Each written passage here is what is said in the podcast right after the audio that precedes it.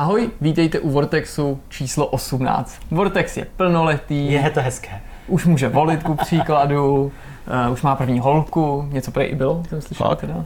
Až v 18? Uh, no, on je takový opožděný lehce. Jo, takhle. Alkohol už může? Ne, tak on jako je hodně na ty hry, že jo, a když trávíš celý, celý dny ve sklepě, ve sklepě, že jo, tak nemáš čas se párovat s děvčaty Rozumím. a tak. Uh, protože jsme už natočili rozhovor, jak je naším dobrým zlozvykem, tak my víme, že ten rozhovor byl poměrně vydatný, zajímavý a taky, že byl trochu dlouhý, takže já nás tady na začátku nechci nějak zdržovat a rovnou vypálím, co nás dneska čeká. Do toho. Máme tady takový tři tematické okruhy.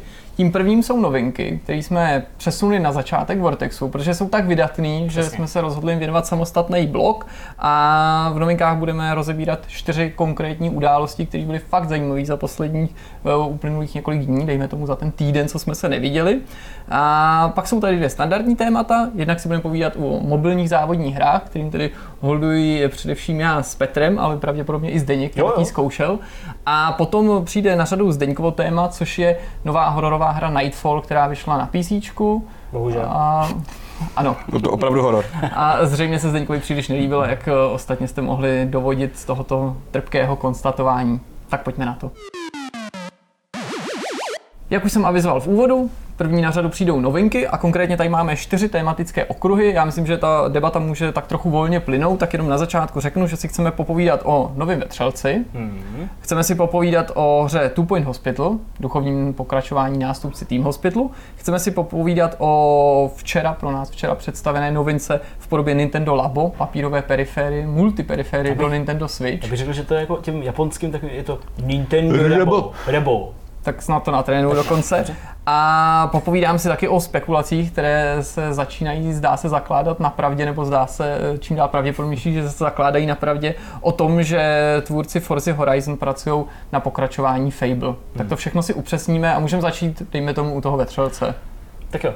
Tak jo, nevím o tom vůbec nic, hele. Vím, že Fox oznámil nový vetřelce, že na nich pracuje, to znamená, to bude to, bude to střílečka. Celý, no. Víme, že to bude střílečka, asi se všichni bojíme, že to bude následovat stejný film, jako byl Colonial Marines. Tomu se budou chtít ale určitě vyhnout. Tomu se budou chtít vyhnout, protože už víme, že ta chyba už se snad nestane, jako, že ne. Colonial Marines byl fakt jako trestný projekt. Prostě. Pamatujete si na to krásný, to první video, ve kterým ukazovali, jak to bude vypadat. Který teďka určitě běží. Uh, jo, a který vlastně stálo vedle pak toho actual footage, to znamená jo. toho, jak to skutečně vypadá. Já si myslím, že Colonial Marines byly jedna z prvních her, ne úplně první, ale jedna z prvních takhle silně medializovaná, která vlastně hmm. začala tenhle ten maraton rozebírání pre-release trailerů a srovnání s, těma, s tou skutečnou hrou a vlastně pak si hráči najednou mnohem častěji začali všímat toho, že ty ukázky hry před vydáním v mnoha případech slibují něco, co se v té hře třeba hmm. neobjeví, mnohem víc si to začali uvědomovat a začali i časem víc chápat, že to třeba nemusí být nutně vždycky podvod nebo, hmm. nebo snaha něco jako zastřít, ale že to tak nějak v tom vývoji mm, jako probíhá, že někdy se ty hry stávají čím dál hezčí v průběhu let a někdy je taky přijde na řadu takový ten, ten moment, kdy je potřeba osekávat. V každém případě eh, to, že by to nemusel následovat osud Colonial Marines, může naznačovat už to, že tentokrát v tom není zainteresovaná ani jak Sega, ani teda Gearbox, tu hru mají na starost úplně noví autoři, nový studio, ve kterém, ale jak už se to v těchto těch případech obvykle říká, pracuje spousta veteránů.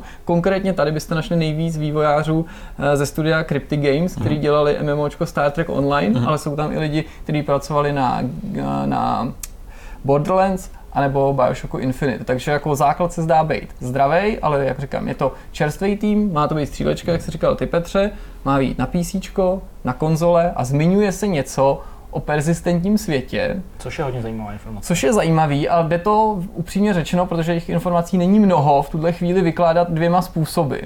Já jsem viděl oba výklady a myslím, že to dost záleží na tom, co si pod tím termínem chceš představit ty sám že to může znamenat, že by to mohlo být nějaký prvky ala Destiny, to říká jedna skupina hráčů, druhá skupina fanoušků zase říká, že by to mohlo znamenat, nebo ten, ten termín persistentní svět se spíš může eh, vztahovat na vesmír vetřelce jako takovýho hmm. a že by to mohlo e, na způsob posledního vetřelce Isolation naznačovat, že ta hra bude nějak eh, šikovně vklíněná do té franšízy a rozšíří ten, ty kanonické události. Hmm. Já bych se dokonce myslel, že bude ve stopách toho filmu, nebo že bude minimálně nějakým způsobem kopírovat, že? protože to se skoro jako jako nabízí, ne? Myslíš Myslím toho posledního filmu, toho, víš, jako, že je to takový jako věčný téma, máme tady film, chceme podpořit že celou tu trilogii, že filmy ještě budou následovat další a že to vlastně bude vycházet s tím. No mě zaujalo už to, že si patronát nad tím vzal přímo Fox, že tentokrát se Fox nerozhodl ty práva nikomu jí dalšímu svěřit, což možná souvisí s trochu s tou jako nepříjemnou zkušeností, ačkoliv teda samozřejmě Sega ve spolupráci s Creative Assembly eh, udělali, perfektní. udělali perfektní horor, ale možná ten, ten, ten předchozí počin jim tak zkazil náladu. A je teda fakt, že to není zdaleka jediná věc, do které se Fox v poslední době pouští, že on hodně koketuje s takovýma těma VR interaktivníma filmama a hmm. experience věcma, které jsou takhle na pomezí nějaký jako virtuální tour a videohry. Hmm. Já očekávám uh, střílečku, já očekávám prostě akci, Uh, to, co se nepovedlo v případě Colonial Marines a to, co nemohlo určitě přijít v podání Alien Isolation, ale pořád jsem takový skeptický. Jednak nevím, jestli je aktuální publikum teenagerů jakoby ready tohle vzít, jestli jako je to pro ně furt téma, jako pro nás je to cool, když se řekne vetřelec, mm. aspoň u mě, tak uh, já prostě si vybavím jednu z nejlepších scifáren, jakou jsem kdy viděl a vždycky v sobě žhavím naději, že Ridley Scott je schopný natočit i po vetřelcovi a dalších, když samozřejmě ne všechny točil on, ano, uh, natočit, natočit prostě něco zajímavého, něco, něco fajn, Prometheus mě neuspokojil, jo, a tak dál, takže pro mě je to kult, ale fakt si nejsem jistý, jestli jako současný děcka, když takhle řeknu, a nemyslím to jako zle, jestli to pro ně jako je eh, ta ikonická postava Xenomorph, Necromorph, Xenomorph, teda Xenomorph, to je zase jiná hra. Uh, jestli prostě to chtějí, jestli to, to je jako samo o sobě ten hit prostě, no. Asi i otázka a pro nás hodně důležitá, jakým směrem se v té franchise ta značka vydá, protože no. když ty mluvíš o vetřelci, tak já si představuju, že myslíš především díly 1 až 4 nebo 1 až 3, nebo dejme tomu 1 až 2, prostě ty začátky, zatímco Petr tady zmínil, že by se to mohlo třeba opřít hmm. o ty poslední dva tituly, to znamená Prometea jako prequel a ten, ten navazující titul, který už teda nese název Vetřelce, ale přitom spousta skalních fanoušků Vetřelce samozřejmě tyhle ty dva filmy tak úplně jako nebere za svý. Tak to je eh, všechno eh, hudba budoucí, hmm. věci, které se musíme eh, teprve dozvědět. Víc informací už víme o tom dalším tituli, který jsem tady na začátku předestřel, a to je ten duchovní nástupce Team Hospitalu, což je o to pikantnější, že loni na podzim my jsme jako oslavovali oznámení českýho Team Hospitalu, hry, která se jmenuje Project Hospital, na který pracuje studio Oxymoron Games, pokud se nemýlim. A teď tady máme jako další pokus vlastně hmm. resuscitovat tuto značku a o to vážnější, že ačkoliv je to zase projekt nového týmu, tak v tom studiu jsou autoři původního Team Hospitalu, lidi z Bullfrogu, ale i lidi z Lionheadu, prostě ty lidi, kteří se točili okolo, okolo Petra Muline a v mnoha dalších ohledech to vypadá, že se to snaží jako napodobit Team Hospital no nechci říct ve všech směrech, ale prostě ve velké většině věcí, které si s tou hrou spojujeme. Já bych se vůbec nebál uh, označení toho, že tohle bude sice nová hra, ale pro spoustu lidí to prostě bude remaster.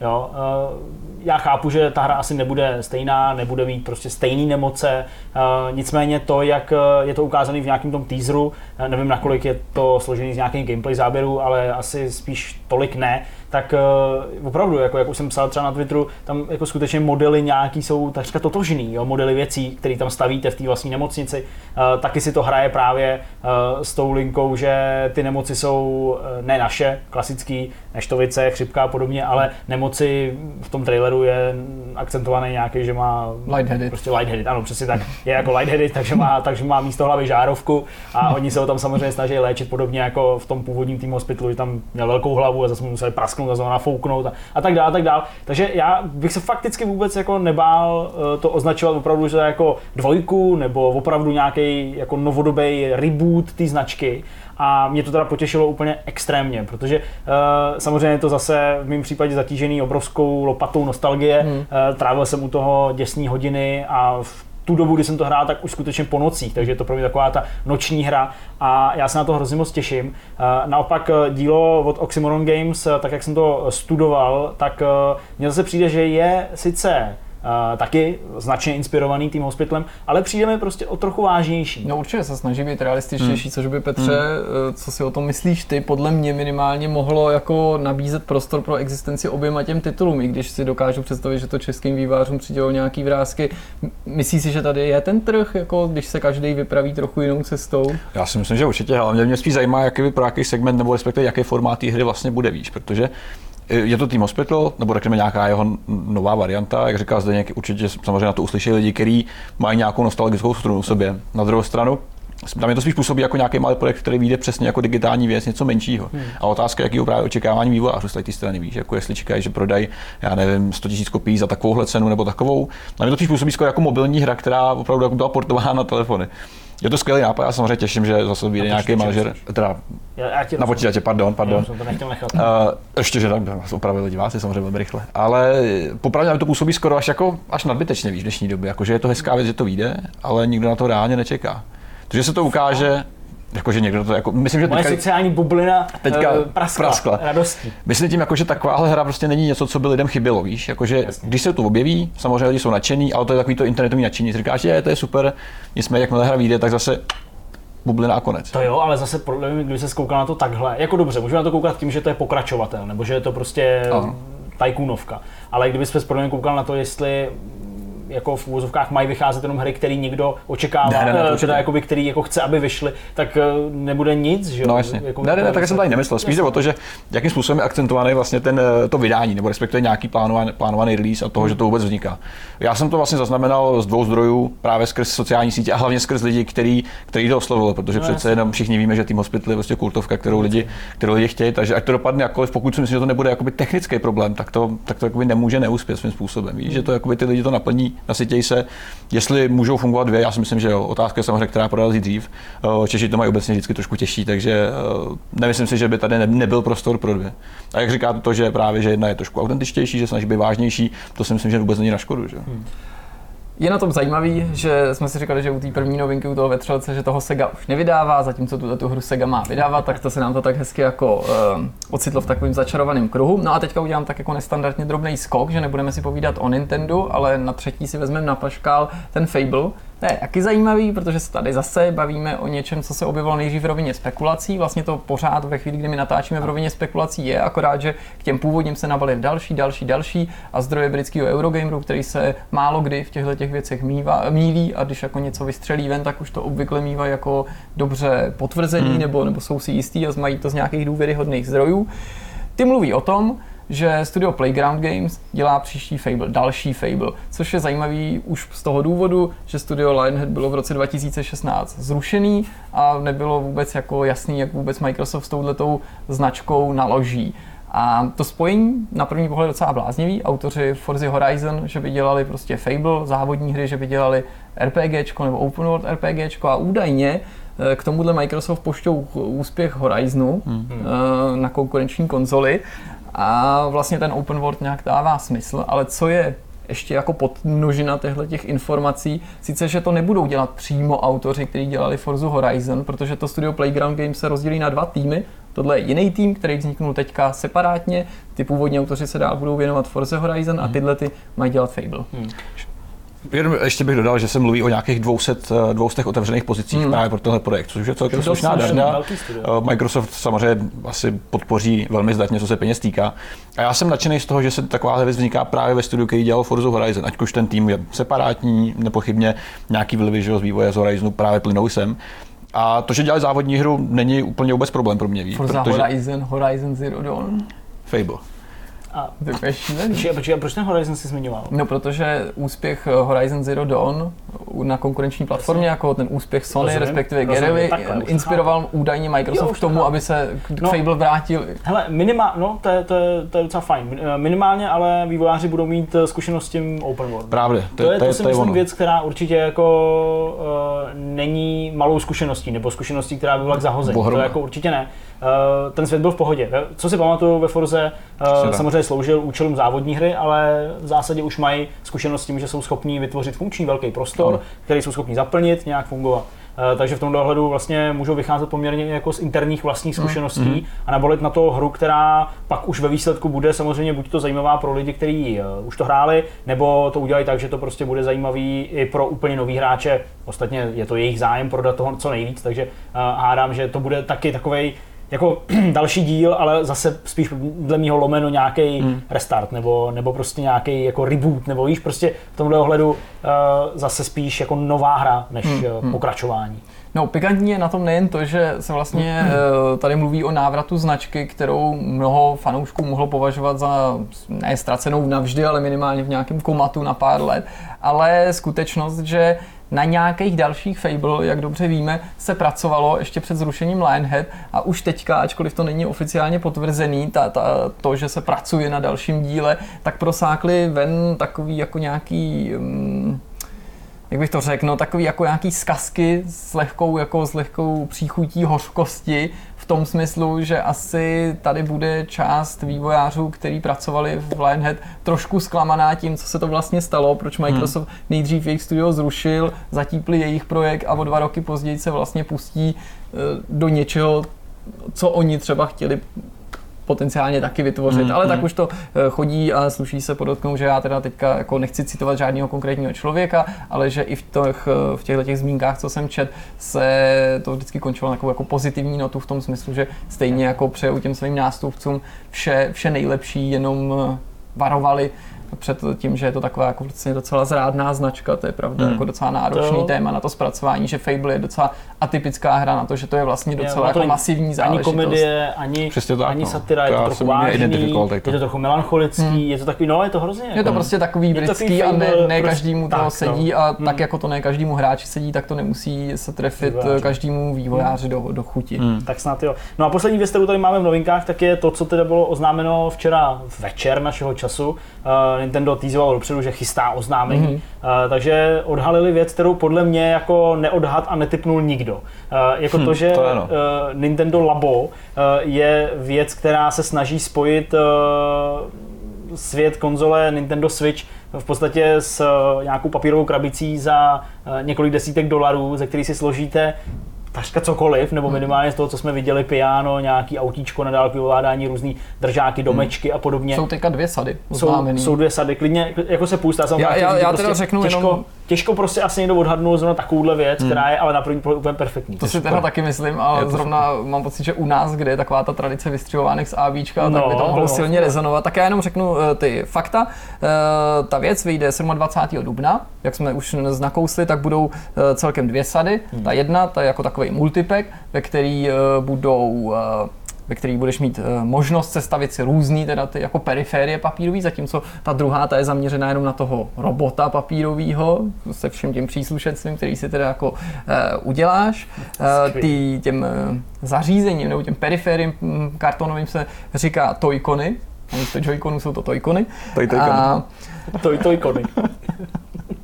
je na nich zajímavý i to, že když si je sestavíš, takže je můžeš i vybarvovat, jo. Eh, vybavit hmm. je nějakýma samolepkama, prostě si je dozdobit, když se třeba setkáš s kamarádama a ty budou mít svý vlastní třeba robotický potvůrky, tak abyste si je rozlišili. Se sejdeme třeba, můžeme se hrát s robotkama. Přesně.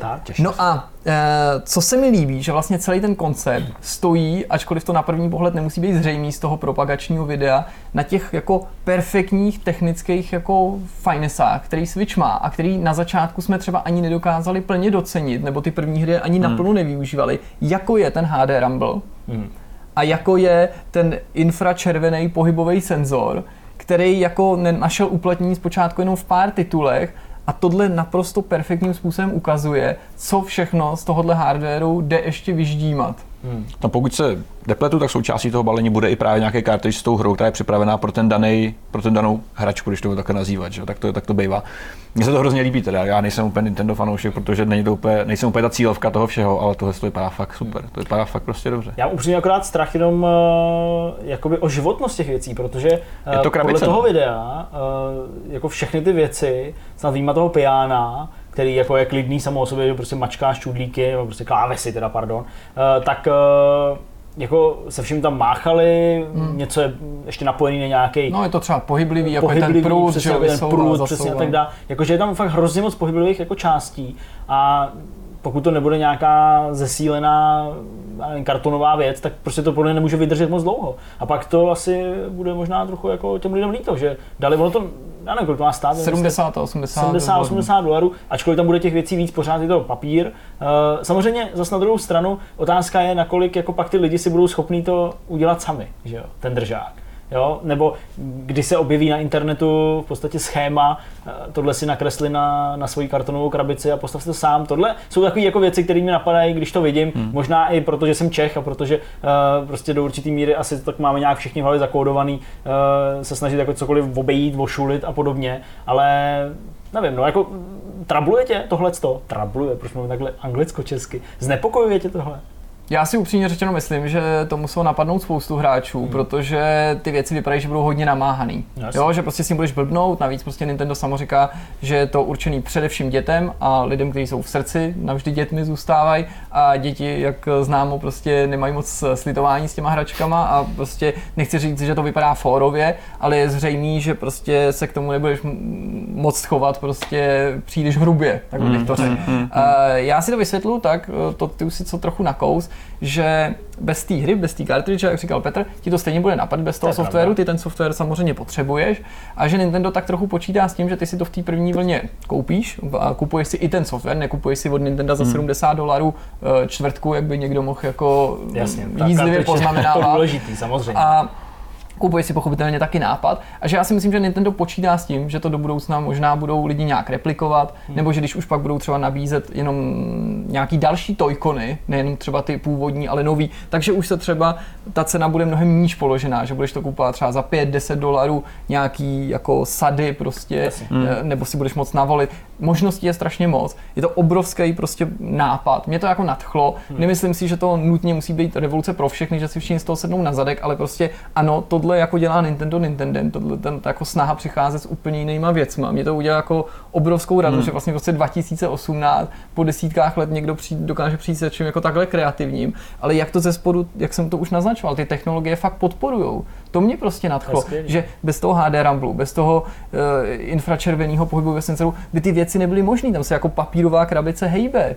Jo, tam se prostě piano hraje, ale to, to piano nehraje, protože se ty klapky dotýkají nějakých čudlíků na tom Joy-Conu. To prostě hraje na základě těch mm-hmm. senzorů, což je naprosto je fantastický. Super. A já bych jako rád zjistil a, a načet si, a co se o tom bude v budoucnu ještě psát, jestli třeba s nějakýma takovýhlema prototypama v Nintendo kalkulovali už během vývoje Switche, nebo jestli je to něco, co se zrodilo dodatečně. Ani mm. nevím vlastně, co by mě jako nadchlo víc, protože v obou případech bych to považoval za jako obdivuhodný. No, ale já jsem třeba by zajímalo, jestli má Nintendo v plánu tuhle tu věc nějakým způsobem brát i odosledním vývářů. Víš, že se třeba třetí strany můžou přijít a nějakým způsobem dodávat svoje vlastní hry i se všem tím harampáním kolem, všechny těmi krabicema, kartonama a, a s vlastníma verzema. Že, jo? že to je otázka, podle mě to zatím vypadá jako na čistě Nintendo only produkt, protože přece jenom době něco takového dělal ale za sebe fakt super. No. no asi jako těšit. proč ne, tak jako si mohl prostě i dřív ke konzolím kupovat různé periférie, často i atypický třeba právě jako rybářský prut nebo nějaký hmm. prostě bubínky, tak Pistole. proč by, vlastně je to možná i náznak té cesty do budoucna, jak tyhle ty atypický jednoúčelový periférie by se mohly řešit, kdy přesně ty si říkáš, jo, já nevím, to byl to, ten třeba Cage, jo, prostě k Tony Hawkovi, že ty si říkáš, to použiju jenom v jedné hře nebo ve dvou, k čemu mi to bude. A tady najednou prostě, kdyby to byla pak už otázka investice jenom do nějakého kartonu, hmm. nebo by si to stáhnul, nebo koupil za pár šupů, tak to by nám najednou asi nepřišlo tak divný mít prostě speciální třeba periféry právě na řízení motorky, no, dejme tomu, jako, jako je jeden z těch kousků. To bylo super. No, hele, mě v podstatě každý ten, eh, každý ten, jako ta složenina přišla jako hodně kreativní, že skoro v tom nebyly jako slabý místa, což Což mě fakt překvapilo, protože bych čekal, že tam bude prostě jeden, dva opravdu dobrý nápady a zbytek bude taková výplň, taková vata, ale ono to všechno vypadá jako hodně zábavně a to bych řekl hodně zábavně z pohledu jako třicátníka, takže si myslím, že děti kterým je to primárně určený, z toho budou muset být naprosto nadšený. Prostě tohle bude přece úplně fantastický doníst to domů, se svým dítětem si to složit. To je hra na druhou, že si hraješ ještě předtím, než tu hru hraješ a Nintendo se tím vrací k těm svým začátkům, těm kořenům, že jo? firmy, která uh, vyráběla nejdřív třeba papírové kartičky, to jako v sobě to skloubí pro mě tolik věcí, že já jako... Jsi nadšený víc než ty děti, jako já to vidím. já to děti tam severu a prostě nedám jim to, že to koupím prostě Magdaleně a budu si takový dárek, tak tady to máš a teď mi to dej, Pak protože bys tomu nerozuměla, já si to složím sám. Něco jako tu Batmanovu jeskyni, kterou mám a ona mi to vždycky poškodí, já si říkám, no tak dobře, tak mi to zase vrát, já si to tady pěkně opravím a nesají na to. Hraj si tamhle s Batmobilem, že to nemůžeš rozbít. Je to tak, no a hlavně to ekologický, že jo, samozřejmě, takže eh, to nezatěžuje planetu. A hoří to. A hoří to. Když se něco podělá, tak to můžete zapálit. Dobrá, tak eh, to je asi eh, všechno k novinkám a my se můžeme podívat na závodní téma, tedy na mm-hmm. hry, závodní hry hrané na mobilu. Jak jsem slíbil, tak teď eh, učiníme. Jdeme se bavit o závodních hrách na mobilních eh, platformách. Já jsem říkal na mobilech, ale asi by se do toho dali samozřejmě dát i ty tablety a všechno. Eh, já jsem koukal na nějakou fotku na Twitteru, nebo někde si hmm. házel screenshot svojí plochy, kde bylo pár těch her za sebou nainstalovaných a jako napadlo mě, jedno jediný. Proč? Proč eh, jsi to hrál? Z jakého důvodu? Jako jste se oba pustili do hraní Hele, to se tak nějak sešlo, protože já teda závodní hry na mobilech hraju celkem, celkem často. Uh, víceméně pravidelně hraju jich několik současně, abych jak nějak viděl, co a jak. Takže na třech mobilech nebo? Hele, jenom na dvou, jenom na dvou. Ne, ne, ne. Občas teda ale řeším jako dvě věci současně, že tady mám tablet, tady mám telefon a mačkám, takový jakože trošku, trošku multitask. Jím a piju třeba. No. piju, no, tvrdím. Ale. No a Jirka se do toho pustil, pustil tak nějak jako nezávisle na mě, co jsem pochopil, že ty jsi prostě rozhodl, že si zahraješ eh, mobilní hry a tady se to stalo. Já vlastně jako nevím, jaký byl ten prvotní impuls. Vlastně mám pocit, že to trochu bizarně vyšlo z toho, že jsem se koukal, jaký závodní hry jsou na Switch mm-hmm. a všiml jsem si, že jedna z těch nejnovějších automobilová závodní hra je Gear Club, který právě původem pochází z mobilu a tak jsem si řekl, že bych ho vlastně docela rád vyzkoušel předtím, než bych se ho eventuálně na Switch koupil právě, protože na Switchi nezbíral moc dobrý hodnocení, ale naopak na mobilech mm. a tabletech měl velmi slušný hodnocení. No a když jsem byl v těchto těch jako krátkých úvahách, ne, že bych nad tím jako rozjímal několik dní, tak jsem si stačil všimnout, že ten Gear Club se nevzal jen tak od nikud, ale že na něm dělal studio Eden, který má na kontu eh, na Verily na sérii, nebo Test Drive Unlimited jedničku, dvojku a řekl hmm. jsem si, no tak to by neměla být špatná hra, mě teda musím přiznat zaujalo, jak vypadal na screenshotech, na videích, tak od té jsem se odpích, hmm. ale jako nebyl to samozřejmě můj první kontakt s mobilníma závodníma hrama, eh, já jsem hodně hrával dřív Asphalt, ještě na 3GS, když jsem měl iPad první, pak druhou generaci, ale pak se mi nedostávalo času, takže prostě teďka jsem to celý leta flinkal a prostě ve chvíli, kdy jsem si vyzkoušel tu první hru, tak jsem si říkal, to by bylo zajímavé prostě pustit se jako do všech nebo do víc titulů, do těch jako nejlépe hodnocených, dejme tomu, nebo nejznámějších a zkusit zjistit, jak, jaký pokrok udělali ty hry, kam se posunuli a musím říct, že jsem byl jako hodně příjemně překvapený. Hmm. Jo, jako je to vyprávění nebo názor lajka, který moc mobilní hry nehraje, to tady jako ostatně zmiňuji častěji a na rozdíl od vás dvou, zdaleka nemám takovou zkušenost se závodníma hrama ani na PC nebo konzolích. Jsem prostě sváteční uh, závodník a pohybuju se jenom v těch arkádových vodách, ale to je dostatečná výbava pro to mm-hmm. hrát závodní hry na mobile. Takže jsem si prostě nastahoval pár titulů. Jasně. A nechci nutně mluvit o všech, ale vrátil jsem se k Asfaltu osmičce, té stálice, prostě samozřejmě nejen ta série, ale i ta osmička, která je na trhu strašně dlouho. Mm-hmm. Oni furt nepřišli s devítkou nebo nějakým vlastně regulérním pokračováním, ale mm. pořád ji udržují, vylepšují tu jsem samozřejmě už dřív hrával i na iPadu, je taky k dispozici na Apple TV, což není zdaleka pořád samozřejmostí. Mnohem větší radost mi udělal Asphalt Extreme, který jsem mm. začal hrát eh, jako taková variace na Motorstorm a Shocks od EA Sports Big. Ten zmíněný uh, Gear Club, Dakar 18 jsem vyzkoušel, protože i o Dakaru mm-hmm. jsme se tady bavili a byl jsem moc vědavý, jestli je tam Tatra a tak, což tam je, asi si o tom ještě popovídáme. No a musel jsem nepochybně teda zkusit i Need for Speed jako zástupce těch velkých značek, původem z PC, konzolí, Real Racing, což je ze stejné stáje mm. od EA a, a dokonce Fire Monkeys to Fire Monkeys, přesně, to jsou ty dvě studia, to že původně byly uh, nějaký ty Firemint a něco Monkeys, prostě, že se nějak to Pak se to slepilo a zjistil jsem, že mají téměř stejný logo, jako, máme, jako má naše studio, což jsem no to zjistil, že byla, jsem to jsme dokonce ukázal ty tehdy a já jsem si zjistil, že to byla náhoda, že to nebylo, že to nebyla kopírka. Nicméně to, co ty zmiňuješ, já jsem všechny ty hry nějakým způsobem rozebíral, když v minulosti, když jsem eh, si dělal nějaký rozbor toho, jak vlastně oni fungují, jak monetizují. A nutno podotknout, že každá z těch závodních her vlastně pracuje s licencovaným obsahem, to znamená reální auta a zároveň na tom stojí i část toho monetizačního modelu. Takže Vlastně je ta hra zaměřená z nějakých třeba ne 30% na midcore publikum, což jsou typicky sběratele, lidi, kteří chtějí sbírat prostě auta, udělat si prostě svoji rostoucí garáž, něco, na čem byl postavený prostě Gran Turismo, Forzy, vodak živa. A to tady funguje skvěle právě na tady publikum, který k tomu přijde a řekne si, hm, chci nějakou závodní hru, baví mě auta, budu tady sbírat prostě autíčka a vylepšovat je. Pak je tady ta druhá část, což jsou právě ty, což jsou právě kompetitivní hráči. Obecně PvPčkaři, na kterých se v mobilních hrách, že ty se monetizují nejlíp, protože když se neubě vidět, uh, chce prostě být v leaderboardu na prvním místě, chce tam zůstat, tak prostě musí, musí samozřejmě zálovat. A na tomhle tom každá z těch her, uh, vy se mě staví jako do, dokonale, protože ať už se bavíme o tom Rio Racingu, o Need for Speed, o CS Racing, který jsem ještě já hrál, uh, tak všechny fungují víceméně podobně. To znamená, jsou to hry, které už jsou z velké části hotové strašně dlouho, co se týká třeba feature, co se týká nějakého kódu, eh, metahry, obecně nějakého balancingu. A vlastně téměř všechny dneska staví a monetizují na tom, že jenom vydávají updaty s novým obsahem. Hmm. Ale takovým, že prostě vydáš, já nevím, update, nová verze, ve kterém je třeba pět aut a ty postupně ten měsíc třeba protáčíš. Speciální eventy, nějaký si můžeš koupit separátně v offerech a podobně. A to funguje skvěle. Jo. Třeba Rio Racing 3, uh, eh, u toho já jsem strávil nejdíl, my jsme se o tom vlastně bavili s naším divákem na, na Discordu, je to hra, která mi připomíná právě právě třeba starý Gran Turisma, co se týká struktury kampaně, s tím, že ty máš prostě, já nevím, 200 aut, uh, rozčleněný šampionáty, každý nějakým způsobem tematicky odlišený. Samozřejmě ta hratelnost se pak hodně rychle smrskne na obyčejný ježdění a grindění peněz, který ty potřebuješ, protože ta hra je prostě utáhla jako prase. Jo. V té v něco si koupit je vlastně po delší době hraní velmi drahý, a ten monetizační model je hodně agresivní, vlastně postavený na tom, že ty to auto chceš, chceš ho mít, dokud je čas, hmm. dokud to jde a oni vlastně jenom, nebo ne jenom, ale vydělávají peníze hlavně na tom nátlaku, protože prostě ten tlak na ty peníze je tak velký, že, že lidi prostě, jo, teďka má možnost to získat a, a chtějí to dostat. A právě ten racing pro Mírko, ten mi ještě připomněl, že to je jedna z těch her, která podobně jako Gear Club by se dala velmi jednoduše no, portovat právě třeba i na hmm. konzole ve formě nějaký digitální hry. Nejenom nutně jako prémiovka, ale čistě v tom free-to-play modelu, ve kterém je teďka. To znamená, že si zdarma si stáneš a můžeš řekl bych tak minimálně 50-60 hodin v kuse klidně hrát bez nějakého omezení.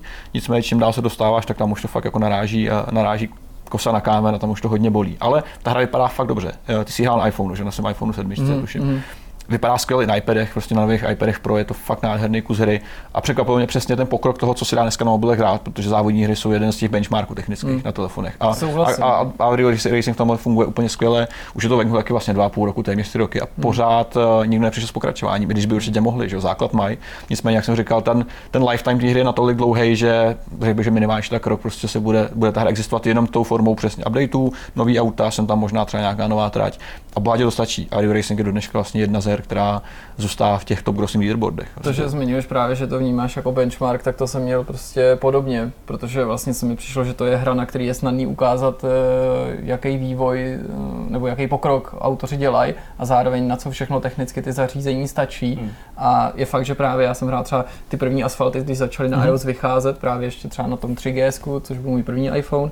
A hrál jsem i ten Real Racing, pamatuju si, když přišel iPad na trh, tak jak se právě řešilo to, že to může připojit k televizi a na iPadu to ovládat, nebo si tam dát mm-hmm. mapu, vlastně tyhle ty první funkce a na těchto těch jako déle běžících sériích je jako perfektně vidět to, jak se ta hra jako proměňuje a samozřejmě pořád je tady jako propast nebo mezera mezi prostě velkou konzolovou PC hrou a těma těma cestovníma, mm-hmm. ale jako povážlivě se zužuje a ta technická stránka je dneska jako to, to, to nejmenší, nebo to, tam je ten kompromis nejmenší, tak to chci mm, říct, že mm. tam mají zdaleka nejblíž. Ten zbytek těch her, nebo to, to zbytek, co tu hru tvoří, to je napováženou. Vlastně ano. bychom měli pro diváky, kteří to nesledují, určitě zdůraznit, že všechny ty tituly, které jsme jmenovali, jsou free-to-play věci. Ano. Ačkoliv jsou tam i placené záležitosti, třeba původem právě z PC nebo konzolí starší, tak tohle jsou free-to-play věci a díky tomu oni jsou téměř zaměnitelný. A mě jako nehráči mobilních her ne, a nehráči jako free-to-play věcí činilo zpočátku jako velký potíže překonat tu prvotní bariéru. Hmm. Ne opakovaně v každém tom titulu, ale u toho prvního, druhého minimálně,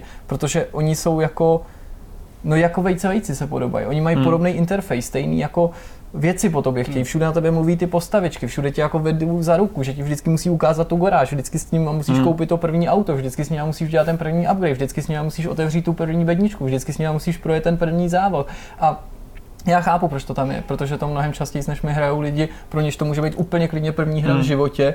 Petr s tím má jako bohatý zkušenosti a kolikrát mi vyprávěl, jak blbovzdorně se tyhle ty nápovědy a mechanismy musí dělat ve, ve videohrách, aby, aby přesně nedošlo k tomu, že by kdokoliv byl na pochybách, co má dělat. Ale vlastně překonat tyhle ty úvodní jako kolečko, tenhle maraton úkolů, to je jako mm, hrozně otravný, přitom, že to je jako takový rychloobrátkový zboží, jestli mm. to chci zahrát max třeba pět minut, tři minutky někde čekání na tramvaj nebo na někoho nebo na záchodě, Asi. tak když je to obalený tímhle, tak ten, ten vstup byl pro mě trochu jako nesnadný z toho důvodu, mm. nebo takový mm. jako obtížný, ale když jsem se přesto jako přehoup a zjistil, že ve všech těch hrách to funguje nápadně podobně, mm. téměř by se dalo říct stejně, tak pak jsem mezi nimi začal dělat jako rozdíly mm. a nějaký se mi začal líbit víc než jiný. A to byl třeba případ toho Gear Clubu. No. To je samozřejmě otázka, na kterou jsme tady nahráli, kterou já ti samozřejmě položím. A to je to, eh, která z těch her je nejlepší. A samozřejmě proč, protože eh, to je to, co to by mělo zaznít a to proč tady jsme.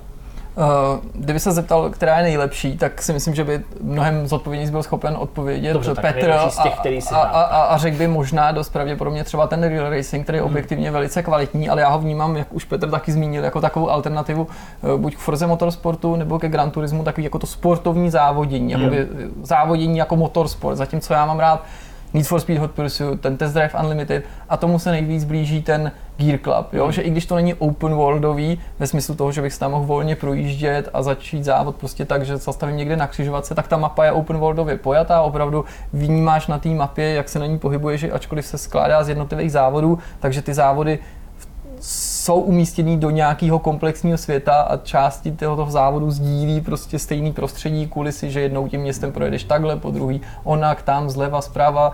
A přijde mi to takový jako hezký, takový jako komplexní, jo? Hmm. že vyzkoušíš si tam i rally, je ta hra jako velice plynulá, to mě překvapilo. Nemá určitě nejkrásnější grafiku, řekl bych, že i ty Needy, hmm. i ten Real Racing jsou v tomhle smyslu dál, ale jako ta plynulost, dobrá odezva, dobře se to opravdu ovládá, to si se ty hry hodně liší, jak to je jako pravda, no. se ovládají a hodně taky záleží na tom, vlastně jaký ovládání kdo preferuje, to si myslím, že pro úplnost taky by nebylo špatné se tady spolu pobavit, že já vždycky no. používám autoakceleraci, brzdím ručně, ty needy to teda to, tam tu brzdu ani nepoužívají, no. ale jakoby v hrách, kde se brzdí, tak brzdím ručně, dotykem teda jakoby. Jasně. A eh, turbo nebo nějaký boost, ten je různě, buď je to na tlačítko jako v Gear Clubu, v Needech je to swipenutí prstem dopředu a zatáčím ne gyroskopem, ale mačkáním na levou a pravou stranu displeje, mm. což může působit na začátku trochu krkolomně mm. s tou brzdou, ale musím říct, že ve všech těch hrách jsem si na to zvyknul velmi rychle. Alternativou je samozřejmě teda buď malý volant, což je pro mě nejméně představitelná to varianta. To prstem... No, jasně. no, že tam je fakt malý, fakt malý volant. To mi přijde, že asi pro casual hráče, aby jim to přišlo jako jako nejpodobnější tomu, co znají. Když a... máš přece v ruce iPad, tak musíš jít. Mě ještě napadla jako jiná část mužského těla, čemu jo, takhle, dalo jako... Ty takhle ovládáš. Zatoč. No a pak eh, samozřejmě teda ten zmíněný gyroskop, to znamená naláčením displeje, ale to eh, mě se nikdy nehrálo moc dobře. To si spíš umím představit v kombinaci hmm. iPhone plus Apple TV nebo iPad plus Apple jo, TV, kdy máš... opravdu jenom řídím, ale nedívám Jasně. se na ten stejný hmm. displej. Hmm. To je otázka eh, pro tebe, Petře. Ty jsi harcovník, člověk, který má doma skládací křeslo závodní a, a připojit si k tomu volant. Jak to by se to ovládá a jaký ovládání preferuješ? Já jsem u Rio Racing já právě používám, kdy vlastně plyn a, a, a brzda normálně dotykový na ovladači a používám gyroskop. Tam to ještě tak nějak sedí, protože uh, Rio Racing se sluší se dodat, že tam je ještě pohled dokonce z kokpitu vozu, což je na mobilech docela jako velká věc, co si hmm. jako budeme povídat. Uh, vlastně na tartě máš třeba 16 aut a každý je pěkně vymodelovaný. Ale z toho kokpitu to vlastně funguje docela dobře. Kdyby to nefungovalo, si myslím, že je právě ta chase kamera, kde ty vidíš auto zezadu a měl by se začát zatáčet gyroskopem, tak to prostě to je fakt divný. Takže v tomhle to funguje. Uh, Need for Speed uh, No Limits jsou vůbec jako taková uh, věc sama pro sebe, která trošku jako neklade vlastně na hráče hmm. vůbec žádný nároky. Tam, vůbec jsou, žádný, tam nejsou zatáčky jako do většího úhle než tak jako 5 stupňů a to je ještě táhla jako Tam všechno vlastně vytočíš jenom tím, že to držíš jako ve správný čas nebo se lehce sklouznout nějakým driftem, kdy swipeneš dolů, auto jde do driftu, eh, swipe nahoru je, je, je boost. Jo. Takže tak to funguje dobře. Ty, Need for Speed celkově jsou vlastně takový jako stělesnění toho, co hráči vždycky chtěli. To znamená, my chceme všichni underground, tunění aut a tady ty věci, což tady všechno je. Tady to je v podstatě jako kombinace. to právě undergroundy nebo ty předchozí, před, před tím stylem, ty záporáci, tuning out, to všechno tady prostě je. Hmm. A jo, je to samozřejmě jako hrozně protkaný restrikčním modelem, což je prostě free to play hra, bez toho se to nedá tak nějak hrát. Na druhou stranu já jsem byl schopný s tím vydržet eh, bez nějakého, bez nějakého stopnutí, že by ti došlo energie nebo stamina, asi bez mála třeba 10 hodin hraní úplně v pohodě. Jo. Takže ono, když člověk překoná tady tu věc, nějaký prvotní odpor, tak se vlastně dostaneš do stavu, kdy tě každá z těch her jakoby trošku uchvátí, protože je v ní strašně moc obsahu najednou. Víš, hmm. ty to zapneš a najednou prostě tady závod, tady tolik informací a člověk se cítí jako obklopený velmi rychle. Ale to, to je třeba můj problém. Tady je trochu otrava, mi přijde, že i když tě ty free to play prvky jako nebrzdí ve smyslu, že by si říkal, já za to musím zaplatit, Jasně. což taky tenhle problém právě nemývám, až mě to překvapuje, hmm. že si nemyslím, že jsem tak dobrý a spíš si říkám, ty sakra, neměli byste už po mně chtít nějaký peníze, neměli bych vám něco jako nasypat.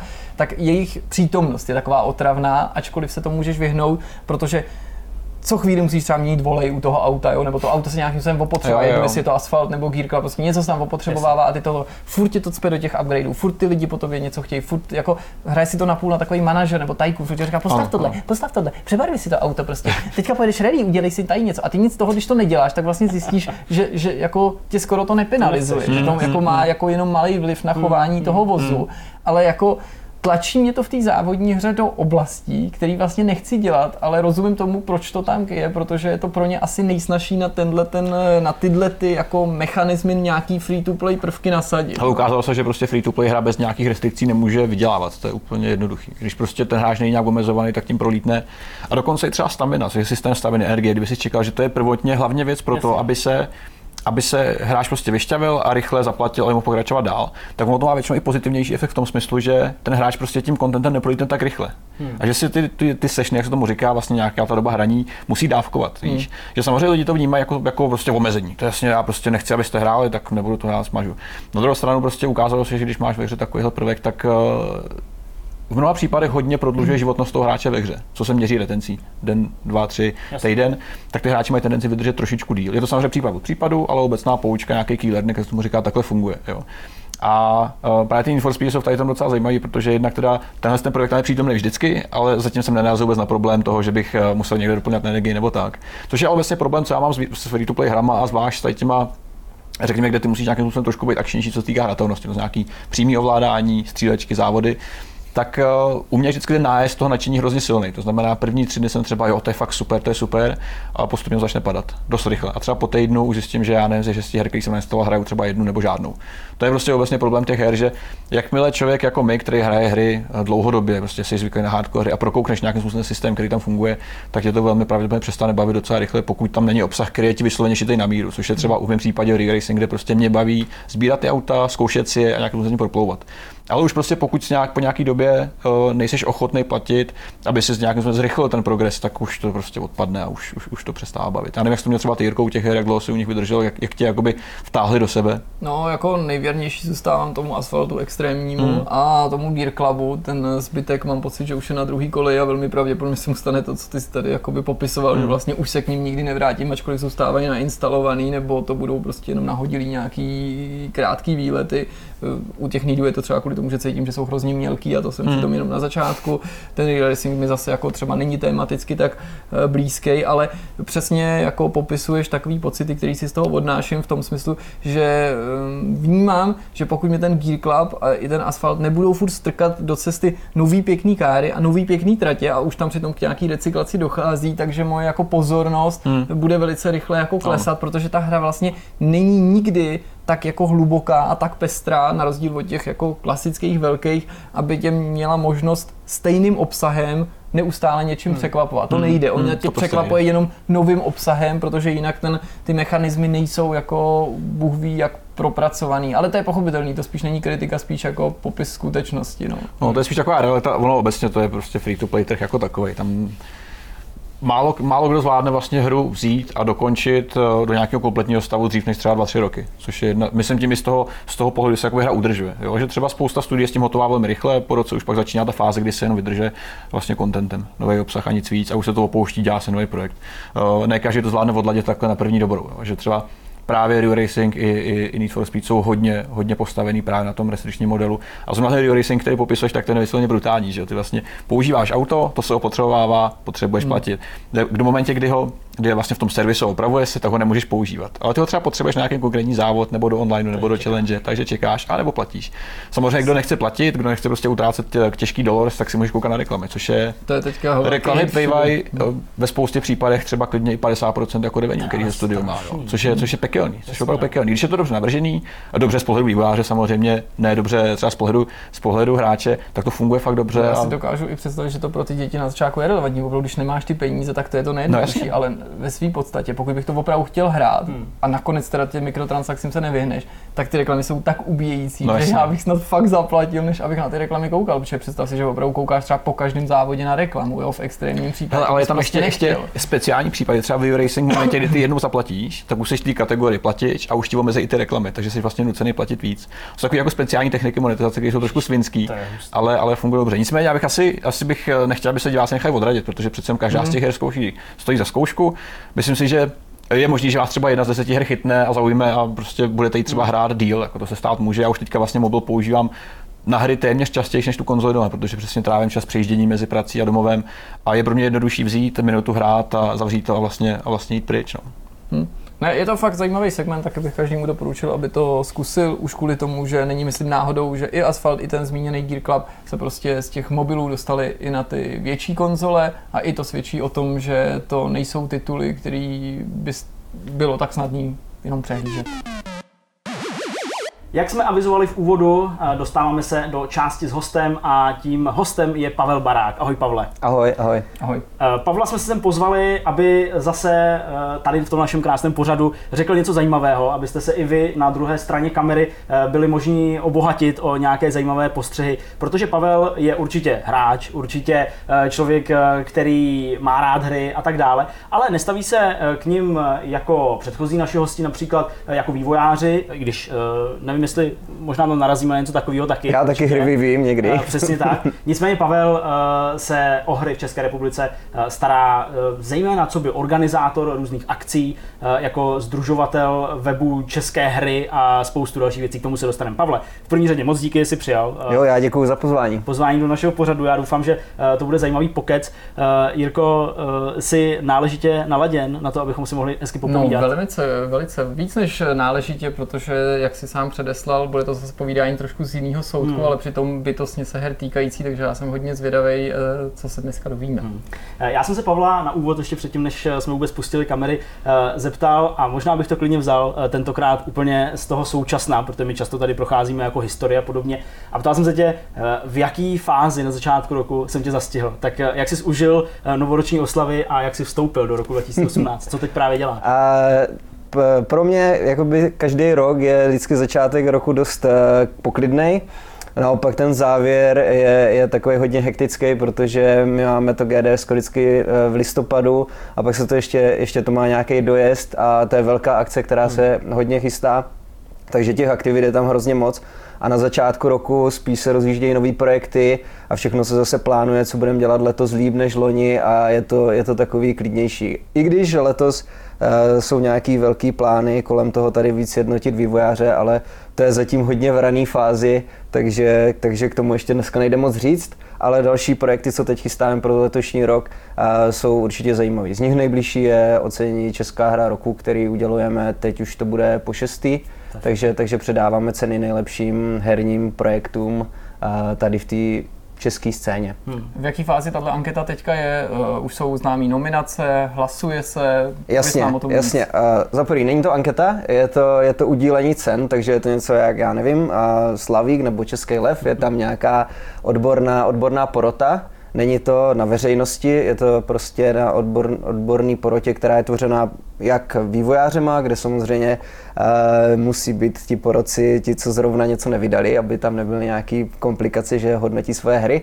tak jsou tam i zástupci novinářů, i lidí prostě uh, nějakým způsobem příbuzných s herním vývojem. Uh, v aktuální chvíli uh, zatím my máme nějak seznam těch, těch her, co loni vyšly a a ještě, ještě ani není jako úplně finálně, ještě ho doděláváme a předpokládám, že v průběhu února budou ohlášeny, ohlášeny ty nominace za loňský rok v jednotlivých kategoriích a, a v polovině března pak bude vyhlášení, vyhlášení těch vítězných her, kdo to, kdo to získal. Hmm. Takže tohle je takový, takový předávání cen, aby, aby jsme nějak upozornili na herní průmysl, na to, jaký zajímavé hry tady vznikají a, a třeba to rozšířili do širšího povědomí veřejnosti. Hmm.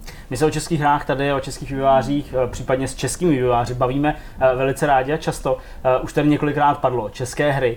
Samozřejmě ty asi se na scéně, české herní scéně, nevyloupil jen tak z nějaké krabičky. A tady na tomhle místě právě za touhle vizitkou, o který jsi tady mluvil a o tom, co teď chystáš a tak dále, bych se podíval na ten začátek.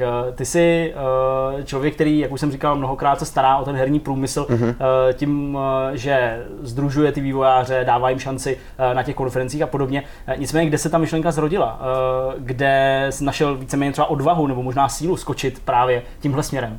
To byl takový postupný vývoj, že to prostě hrozně dávno vlastně, když se vezme jakoby začátek celý nějaký herní scény, herně vývojářské scény, hmm. tak, tak se bavíme o nějakým roku 2000, 99, 2000, 2001, kdy vlastně tady už herní studia existovala, ty jako Illusion Softworks, ty už prostě dělali Hidden and Dangerous, Jasně. Mafia pravděpodobně už tam byla někde v začátcích ve vývoji a existoval Pterodon, existoval Altar Interactive, Bohemka taky už existovala, hmm. ale ty studia nebyly nějak jako moc spojený, nebo nebyl, neexistoval tady nějaký, jakoby nějaká komunita, nebo prostě nějaká spolupráce, nebo něco takového.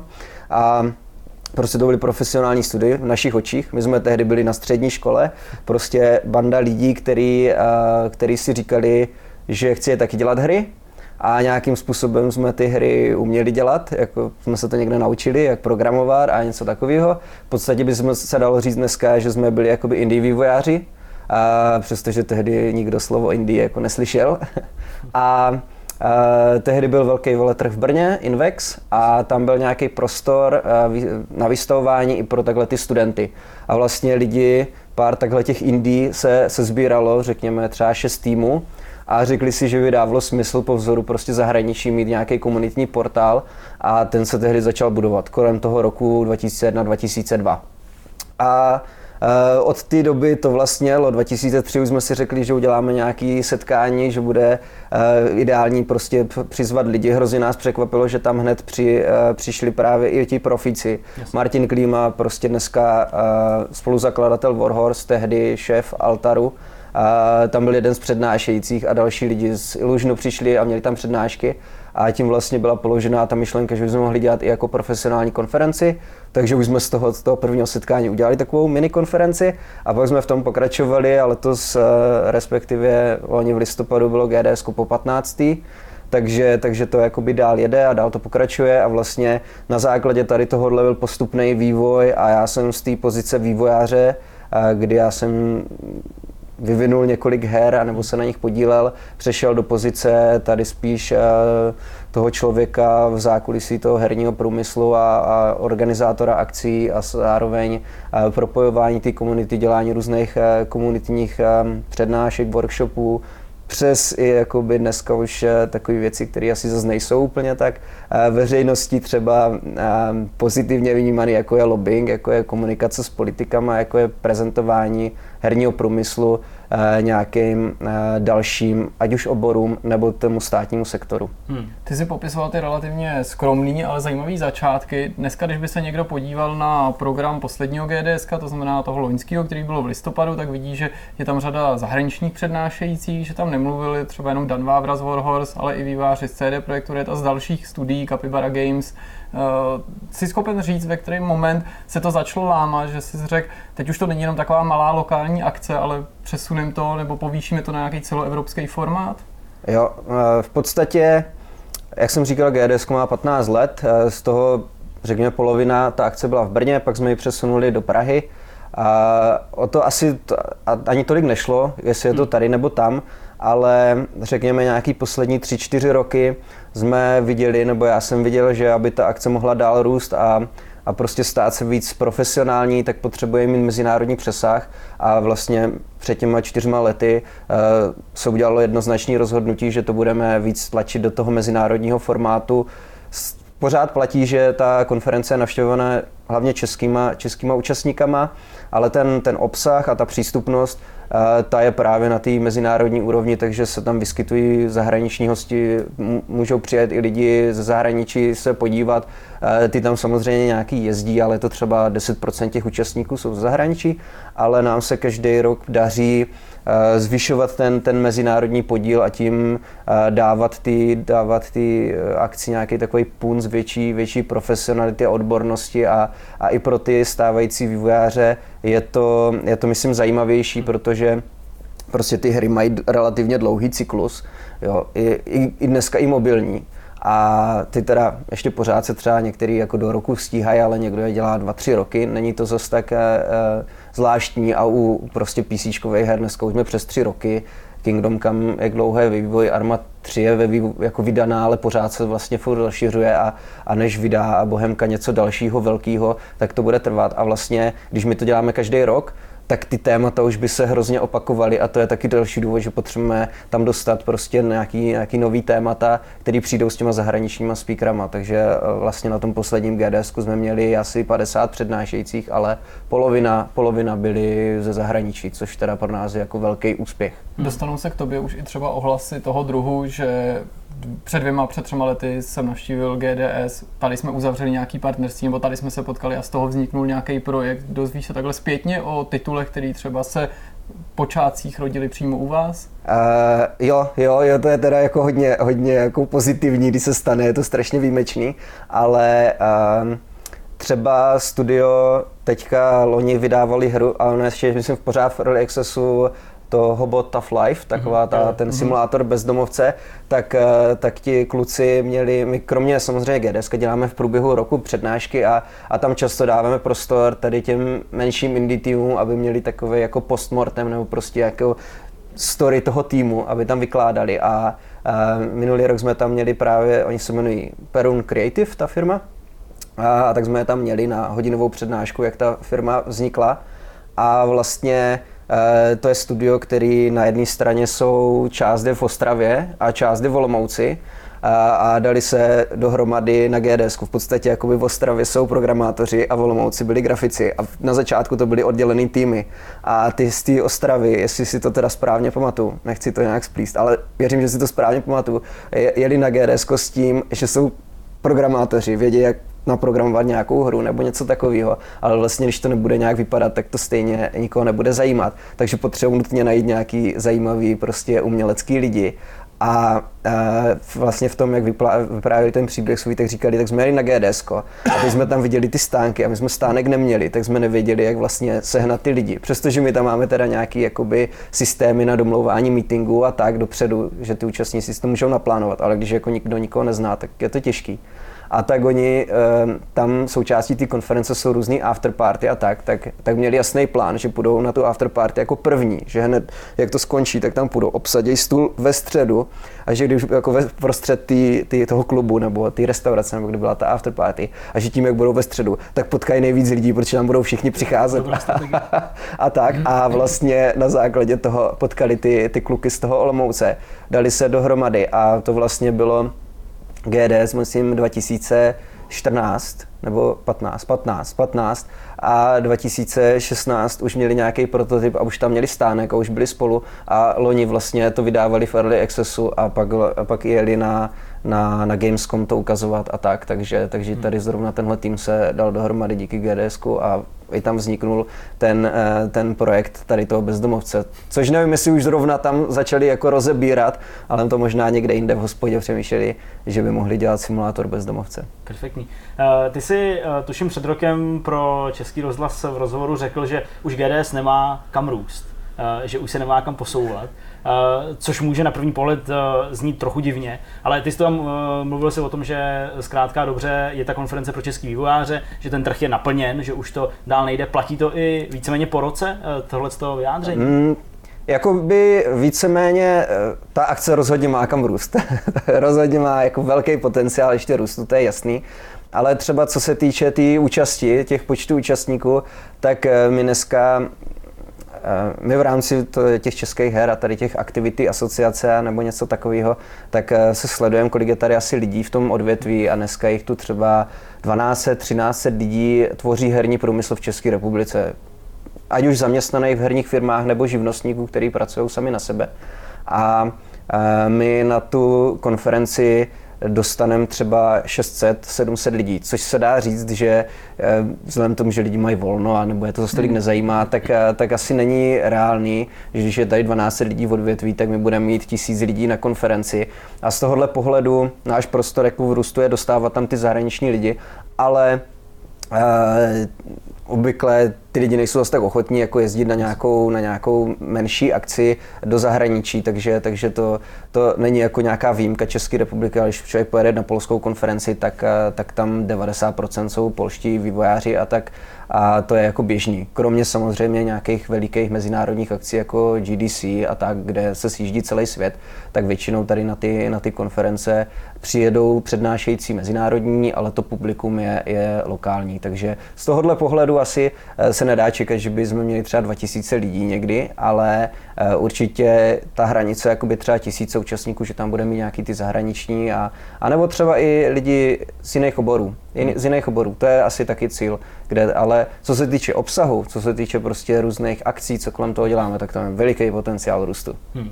Tím, co si teďka vyprávěl, mi vlastně trochu nahráváš, protože jsem měl už v hlavě zasunutou ještě jednu otázku a vlastně s tím přímo souvisí, s tím, s tím co jsi říkal, protože um, lidi, kteří se na nás teďka dívají, tak eh, spousta z nich, drtivá většina, dovolím si tvrdit, nejsou vývojáři, nemají třeba ambice hry dělat, přesto o GDS mohli mnohokrát slyšet, o něm četli, prostě jsou z ní různý výstupy i na herních webech a logicky si takový člověk klade otázku, je to teda akce i pro mě, mám tam jít, co, co by tam mohl najít běžný jako návštěvník, nebo je, vlastně snažíte se i normálního hráče oslovit a je to akce, která by pro něj mohla být zajímavá, protože v tom by mohl být i ten potenciální růst, protože pak bys oslovoval mnohem víc Určitě, určitě. Uh, ta konference je primárně určená pro herní lidi, co chtějí, zajímá herní vývoj, což ale nutně neznamená, že to musí být herní vývojáři. Určitě uh, neplatí, že že je to nějaký strašně složitý. Tam na, hlavní náplň jsou přednášky od lidí z herního vývoje, ale uh, tam je několik těch liní, několik různých paralelních liní a vždycky se snažím ten program, nebo snažíme ten program dělat tak, aby tam byly přednášky přístupné i úplně laickým osobám, který, který tomu e, zatím se nějak nevěnovali a, a neví, jak vlastně hry vznikají a co to všechno obnáší. Jsou tam prostě přednášky, které si může poslechnout e, i úplně kdokoliv, ale e, rozhodně bych to doporučil lidem, co třeba se chtějí stát herním vývojářem. Není to primárně pro hráče, který, který zajímá hrát hry, ale lidi, kteří mají nějaký ten další přesah, že by třeba fakt chtěli jednou pracovat herní vývoj nebo mít herní studio nebo se podílet na, na vývoji nějaké hry. To neznamená, že to musí být programátor, neznamená to, že že to musí být prostě nějaký umělec a grafik. Dneska to pole těch, eh, těch aktivit eh, v herním vývoji je hrozně široký, takže, takže jsou to prostě různí scénáristi, game designéři, eh, i se tam věnujeme přednáškám o tom, jak probíhá testing, prostě QA ve studiích a, a co to všechno obnáší a kam se z té pozice třeba dá růst nebo něco takového. A to je samozřejmě gro hlavní jádro té konference. Druhá část je dneska hodně rostoucí, dneska hodně rostoucí a to je výstavní část, která ale oproti nějakým jakoby veletrhům zase není veřejná, je jenom pro ty účastníky ty konference, ale je to výstavní část, kde různý, ať už indie studia nebo i um, herní uh, velké firmy uh, něco vystavují. Dá se říct, že, že ty indie studia tam vystavují z toho důvodu, že, uh, že chtějí dostat zpětnou vazbu ale ideálně od té od profe, profesní veřejnosti, což ale nemění nic na tom, že se tam vyskytují nějaký, nějaký i uh, prostě úplně lajkové a, a často tam uh, vývojáři nějací, kteří už mají rodinu, vezmou i děti a tak a jdou se tam podívat, takže to se tam jako děje a Každopádně ty indie týmy tam čekají, že dostanou nějakou zpětnou vazbu, potažmo potkají nějaký další kolegy, který třeba by jim pomohli a nějak se spojili. To tam určitě funguje. Ty větší studia tam eh, prezentují nějakým způsobem to, co dělají ale ten jejich, eh, ta jejich prezentace je zase spíš jakoby biznisová a oni jakoby hledají eh, lidi do těch svých studií. Takže eh, jako není to, jak když člověk jde na nějakou, na nějakou výstavu herní nebo prostě na nějaký herní veletrh, ať už Gamescom nebo tady nějaký v Česku, kde jsou stánky prostě obrovský s, s hrama a můžou si vyzkoušet nějakou chystanou hru. To tady si ostatně můžou vyzkoušet nějakou chystanou hru, ale to mnohem menším a je to spíš nachystaný na nějaký obchodní jednání a tady takovéhle věci. Takže, takže je to takový dost specifický. Jo. Není to úplně, uh, že by tam člověk šel a pařil tam hry. Uh, dá se to, ale uh, není, to, není to prostě jak Gamescom třeba. Mluvíš o souběžných liní přípravy celého toho, celého toho GDS, toho programu a podobně. Jak moc se liší třeba příprava 15. ročníku, což byl ten ročník minulý rok, od prvních ročníků.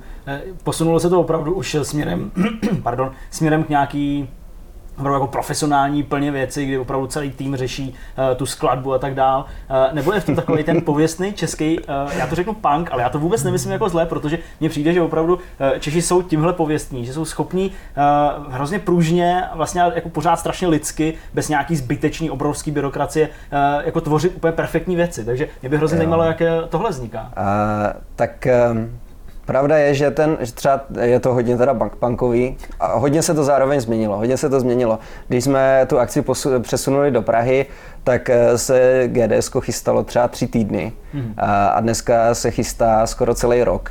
A nebo jako prostě teď je leden, ještě jsem na tom moc nic neudělal, ale už nějaký jednání probíhají o tom e, pro nový ročník, kdy bude přesný datum, chystají se nějaké věci, plán je, kdy to oznámím a tak dále. A dá se říct, že e, 6 měsíců před tou akcí už je to prostě intenzivní činnost normálně naplno. Ta akce je už skutečně jako obrovská a dostat sem eh, na jedno místo 50 přednášejících, z nich prostě 25 z různých koutů světa, domluvit je všechny, plus tam máme hromady sponzorů, aby se to dalo zaplatit, je tam pak eh, plno lidí, tak už se to dělá dlouho, je tam, je tam tým nějaký, je tam, je tam nějaký tým, ale to jádro té konference, ten, ten program celý stojí teda na mě primárně, asi tak z 90%. A, a, a to čítá to, že jezdím prostě po zahraničních akcích a tam domlouvám speakery, samozřejmě se tady bavím s českýma vývojářem a někteří mi i třeba pomáhají dostat se k lepším kontaktům na nějaký zahraniční, hodně spolupracujeme třeba s Amanita Design a ti nám právě pomáhají dostat sem zajímavý indie vývojáře světový úrovně, což se teda nám v posledních třech letech hodně daří, proto jsme tady měli prostě uh, ty lidi třeba z těch, z těch kapibara, měli jsme tady lidi, co dělali Monument Valley a, a prostě a tak, a tak dále. Takovýhle prostě zajímavý indie, indie tvůrce. To je taky uh, podle mě dobrý v tom, že když sem dostaneme třeba někoho z CD Projektu, nebo by tady byl někdo z Ubisoftu, tak většinou ty velké studia pošlou nějakého dílčího člověka Jasně. a ten, ten může jakoby hodně do detailu říkat nějakou specifickou věc, ať už prostě marketingovou nebo prostě programátorskou nebo něco takového,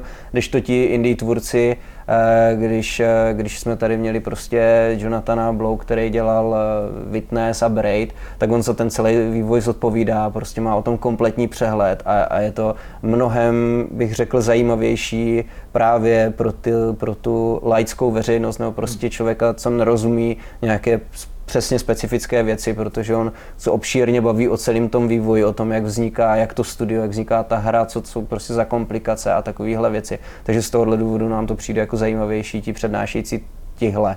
Hmm. Zmiňoval jsi ocenění pro nejlepší české hry, teď jsme si povídali o GDS. Co děláš, když nepracuješ na těchto těch dvou projektech? Um, tak my v průběhu roku děláme jednak různý, různý komunitní akce, což jsou většinou meetupy, ale jsou to i různé workshopy eh, nebo nějaký zvaný přednášky. Eh, Minulý rok, pravděpodobně letos tom budeme pokračovat, jsme zařídili český stánek eh, na Gamescom, národní stánek, takže Gamescom v Kolíně nad Rýnem v Německu, to je největší evropský veletrh počítačových her a poprvé tam teda konečně byl i Český národní stánek, bylo tam pět, pět firem, ten Výsledek je, že vlastně uh, i menší studia se tam můžou dostat, uh, tam se zároveň povedlo získat nějakou podporu uh, od státu, takže ty studia to nestojí tolik peněz a můžou tam, můžou si to dovolit i studia, které by tam normálně nejeli. Je jasný, že, že třeba Warhorse a Bohemka a Madfinger Games tam bývají pořád, ale my jsme tam dostali třeba zrovna ty kluky, co dělali to Hobo, nebo prostě Hyperbolic Magnetism, co dělají teďka Beat Saber VR hru a další takovýhle menší indie studia, který, který tam mohli prezentovat se jak e, široký veřejnosti, tak hlavně dostat se do úzkého kontaktu s mezinárodníma novinářema a třeba i investorama a tak dále, protože my jsme tam zařizovali i různé jakoby, akce na setkání s těma lidma a podobně. Takže to byl třeba jeden z projektů, Český stánek na Gamescomu. Teďka v březnu je největší světová konference GDC v San Francisku, a, takže tam bychom chtěli zařídit a, nějaký program stipendií, což tady funguje. A je to teda zatím ve fázi jednání, pro letošek to ještě nebude, určitě to nebude, i když je to v březnu, tak to už eh, se nedá stihnout, ale eh, rozjíždějí se, to trvá dlouho, rozjíždějí se jednání pro příští rok a pak bychom byli schopni třeba tady začínající vývojáře dostávat na to GDC což eh, se může zdát, že není zase nic tak jako extra, ale na GDC stojí vstupenka 2000 dolarů, takže to není úplně levná záležitost se tam dostat, je to skutečně akce, kde se je tam přes 10 tisíc lidí z oboru herního vývoje, je to nejuznávanější akce. A bylo by super, kdyby, kdyby nějaký začínající startupový studia nebo prostě nějaký junior vývojáři z herních studií se tam mohli zajet podívat a rozšířilo by jim to obzory a hmm. znalosti a zkušenosti. Hmm. Ty jsi v úvodu a vlastně i teď eh, do určitý míry zmínil uh, nějaký styk s politikou skrz dotace pro nějakou tu, pro nějaký ten, no nechci říct výlet, to ne, spíš účast těch vývojářů na tom Gamescomu. A mluvil si o lobbingu a to je určitě téma, který by taky, pardon, taky mohlo zajímat naše diváky, protože co to obnáší ve skrze? To je tam otázka. Jasně, eh, jasně. Chodíš za politikama a říkáš jim, tohle to je hra, nebojte, není to gamble, eh, je to prostě část kultury, nebo možná v očích někoho i třeba umění, nebo jak probíhá právě eh, jasně. ten, lobbying? Je, je nutný říct, že tady tahle část je dneska úplně v plenkách. Nepro, jako někdy se někde objeví prostě na sociálních sítích, že nějaký politik něco řekne o hrách a že už se s nějakýma lidma od her bavil a strhne se vždycky u toho strašně bouřlivá diskuze tak eh, skutečně tohle je hrozně na začátku. Hry dneska nemají víceméně žádnou, žádnou eh, podporu nebo naprosto minimální. Protože tady není žádný třeba státní fond na podporu her, jako je u kinematografie. Přesně tak, tak přesně tak. Je otázka, jestli něco takového vůbec hry chtějí. To my se těch herních studií samozřejmě na tohle patáme a tyhle věci vznikají ve spolupráci s něma. Určitě to funguje tak, že jako skutečně se s někdy s nějakýma politikama setkávám a vysvětluji nebo nejenom politikama, ale prostě různýma státníma úředníkama a vysvětluji co to hry jsou a jaký je rozdíl mezi hazardem a, a, a hrama prostě konzolovými, mobilníma a počítačovými. A zároveň probíhají i různé další setkání, kdy, kdy se prostě Eh, řeší, co by se tady skutečně dalo dělat pro hry a tak eh, podobně. A výsledkem pak je eh, třeba to, že, že vznikne ten program, kdy vlastně je to program na nějakou podporu marketingu zahraničí, do kterého je zařazený veletrh Gamescom, hmm. ale je nutný si uvědomit, že ten seznam těch veletrhů je třeba prostě 30 a to, to už je jenom pod kategorie prostě IT technologických veletrhů, kam se poprvé teď zařadil jeden, jeden maličký uh, herní, nebo obrovský herní, ale, ale je to jedna položka z 30 uh, dalších, kde je prostě CES a, a prostě další Cebit a tady tyhle velký veletrhy, který už dávno stát jako podporuje a teďka si řekl, že by tam by bylo fajn na základě nějakých našich eh, požadavků zařadit, zařadit Gamescom. Zároveň my teďka jakoby delší dobu chystáme nějaký, nějaký materiál, nějakou studii o tom, o tom odvětví, která je naprosto nutná, aby jsme, aby jsme byli schopni nějak jako ukázat, jak je, jak je to odvětví zajímavý. A to jsou, to jsou věci jakoby té podpory, ale vlastně v tom e, globále nejde těm herním studiím zase o to, aby, aby tady byla nějaká vyloženě nějaká finanční podpora, ale spíš jim jde o to, aby tady bylo nějaký zázemí. Aby tady hmm. bylo zázemí pro herní vývoj nějaký vhodný a to je, myslím, důležitý e, mnohem víc, protože dneska hry český jsou hrozně úspěšný, nebo jako relativně úspěšný. Relativně úspěšný. A hry spadají do nějakých kulturních a kreativních průmyslů a tam spadá film, tam spadá hudba, tam spadá divadlo a takovéhle věci a vlastně hry uh, jsou jako i úspěšnější než všechny ty ostatní odvětví, víceméně, jako pokud, se, pokud se to na to člověk podívá z nějakého měřitelného hlediska. Samozřejmě tohle jsou umělecké obory, takže tam, tam se za stolik možná někdy na ty měřitelné hlediska, jako kolik lidí, se, ke kolika lidem se to dostane, kolik peněz to vydělá, kolik vlastně to odvětví odvede na daních zpátky státu, tak to se u těch kulturních oblastí často jakoby přehlíží a říká se, jaký to má ten umělecký dopad a tam samozřejmě... Dobrý divadlo nedělá třeba jenom to, že na sebe vydělá, že jo? Přesně tak, přesně tak. A tam potom je samozřejmě těžký obhajovat hry, že jsou skutečně jako mají ten, ten umělecký přínos, přestože my v herním průmyslu si to všichni myslíme. Ale z těch měřitelných hledisek eh, vycházejí hry perfektně, což je super, takže my můžeme jakoby argumentovat, proč by bylo fajn, aby tady stát pro to třeba něco udělal. A to něco je třeba, že, že bude víc herního vývoje na, na školách, středních a hmm. vysokých. Ty jsi okolo toho trochu tancoval a mě to zaujalo, protože jsi zmínil právě to, že se bavíš s těma vývářem a vlastně zjišťuješ, že si oni sami by si nějaký finanční dotace přáli nebo nějaký fond a tu finanční podporu přijmou. Mě to vlastně přivedlo jako takový jako podotázce a sice, že já jsem v minulosti už zaznamenal, že ty dotace se vlastně ukázaly být takovou dvousečnou zbraní, protože už se někdy v minulosti objevily případy, že nějaký studio nebo nějaký tým, nějaký projekt nějakou dotaci dostal, dejme tomu z evropských fondů, a pak se ukázalo, že vlastně se to stalo předmětem nějaký kritiky a překvapivě ne zvenčí, mimo ten herní obor, ale zevnitř. A já teďka to nedokážu posoudit, nakolik to může být jako oprávněný nebo v tom hraje roli závis, to vůbec nechci jako rozebírat nebo ti podsouvat, ale spíš mě zajímá, jestli teda ty sám věříš tomu, že ty dotace jsou dobrá věc, anebo jestli by spíš jako budili nějaký jako nepříjemnosti v tom oboru, oboru, protože se s nima nese jako vždycky něco jako negativního. Nebo lidi je mají možná tendenci vnímat negativně, abych to upřesnil.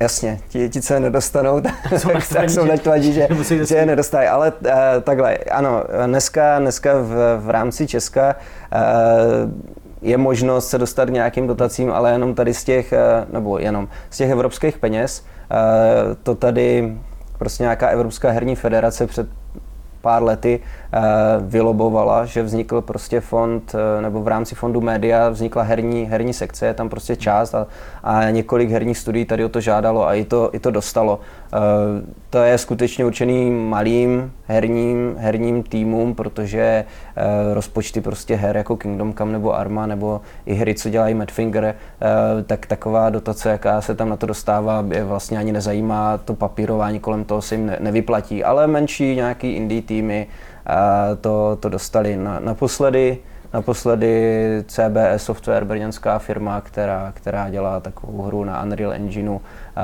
hodně, hodně pěknou. Ale takže bylo tady jako těch studií, dá se spočítat na prstech jedné ruky, který to tady získali.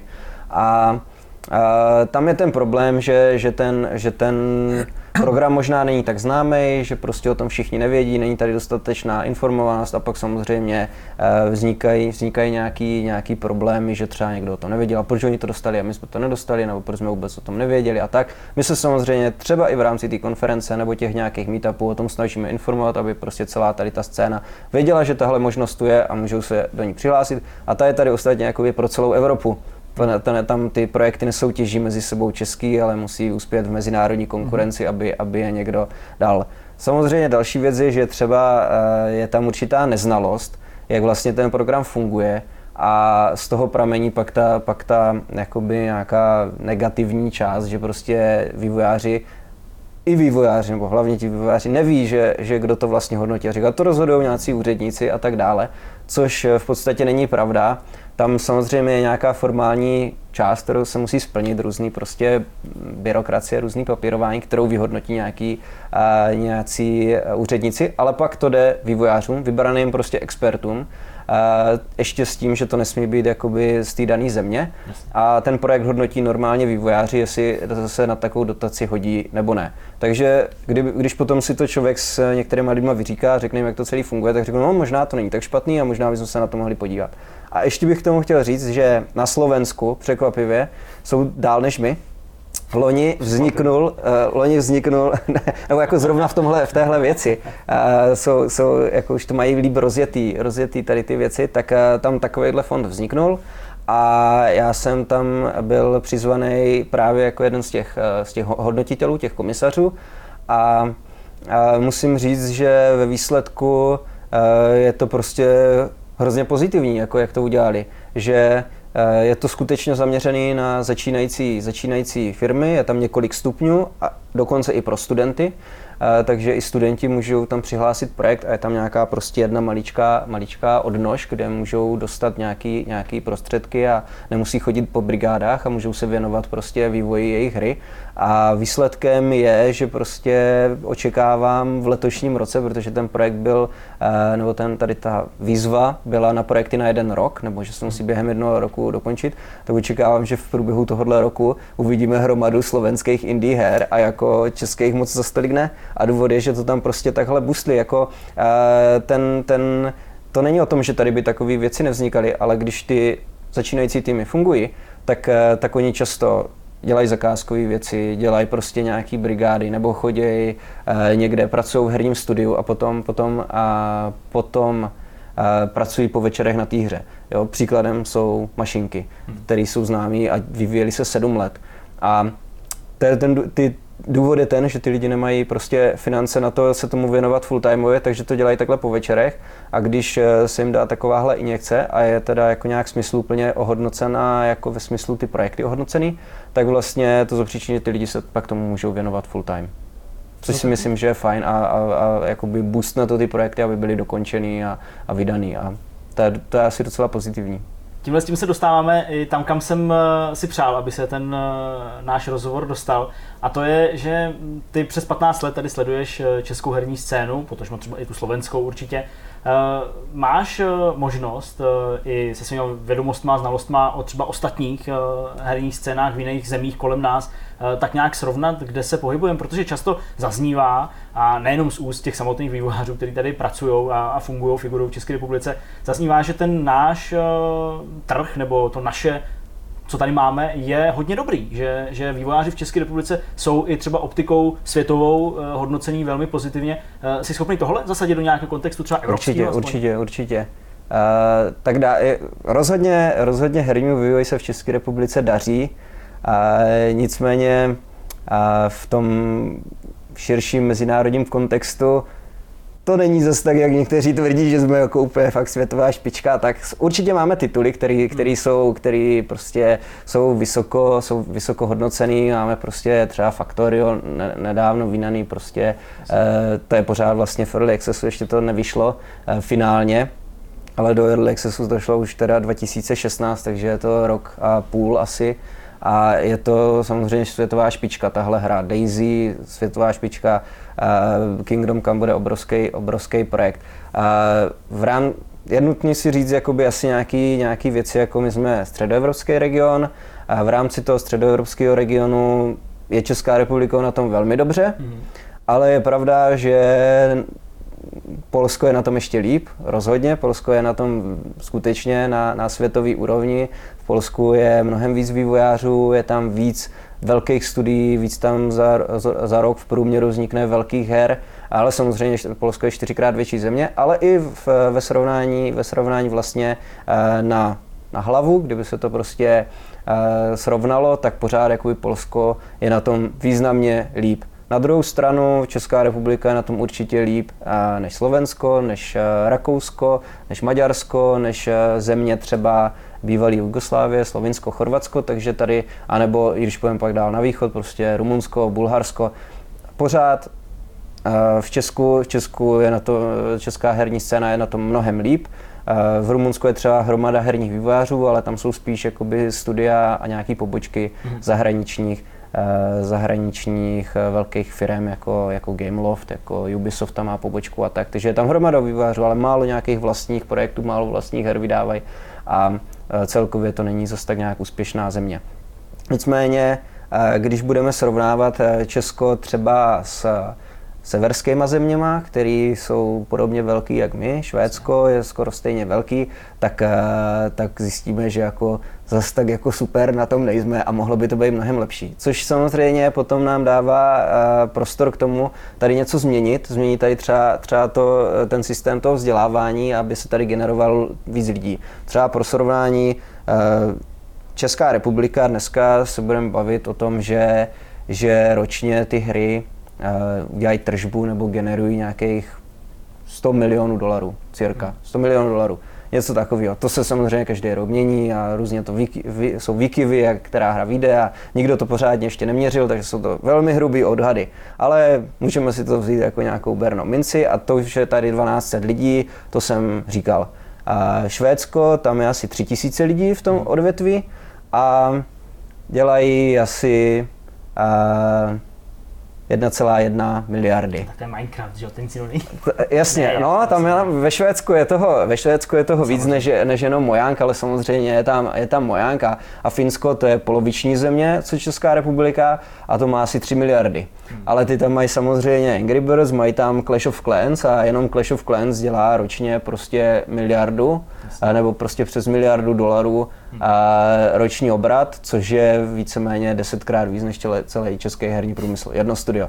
A do toho tam mají ještě hromadu, mají tam prostě, teď co dělali Max Payne, Remedy. Remedy tam mají a, a tak a, a Švédové tam mají Avalanche a, a další veliký studia. Nice a DICE a tak. Takže, takže to jsou samozřejmě eh, velký už rozdíly. Jo. To, hmm. prostě když řekneme 100 milionů a, a 3 miliardy, to je prostě 30 krát tolik, takže jako to máme velké ještě, kam můžeme směřovat. A to stejný, to stejný třeba uh, Holandsko, kde je hrozně rozvinutý herní průmysl, z toho my si bereme hodně příklad.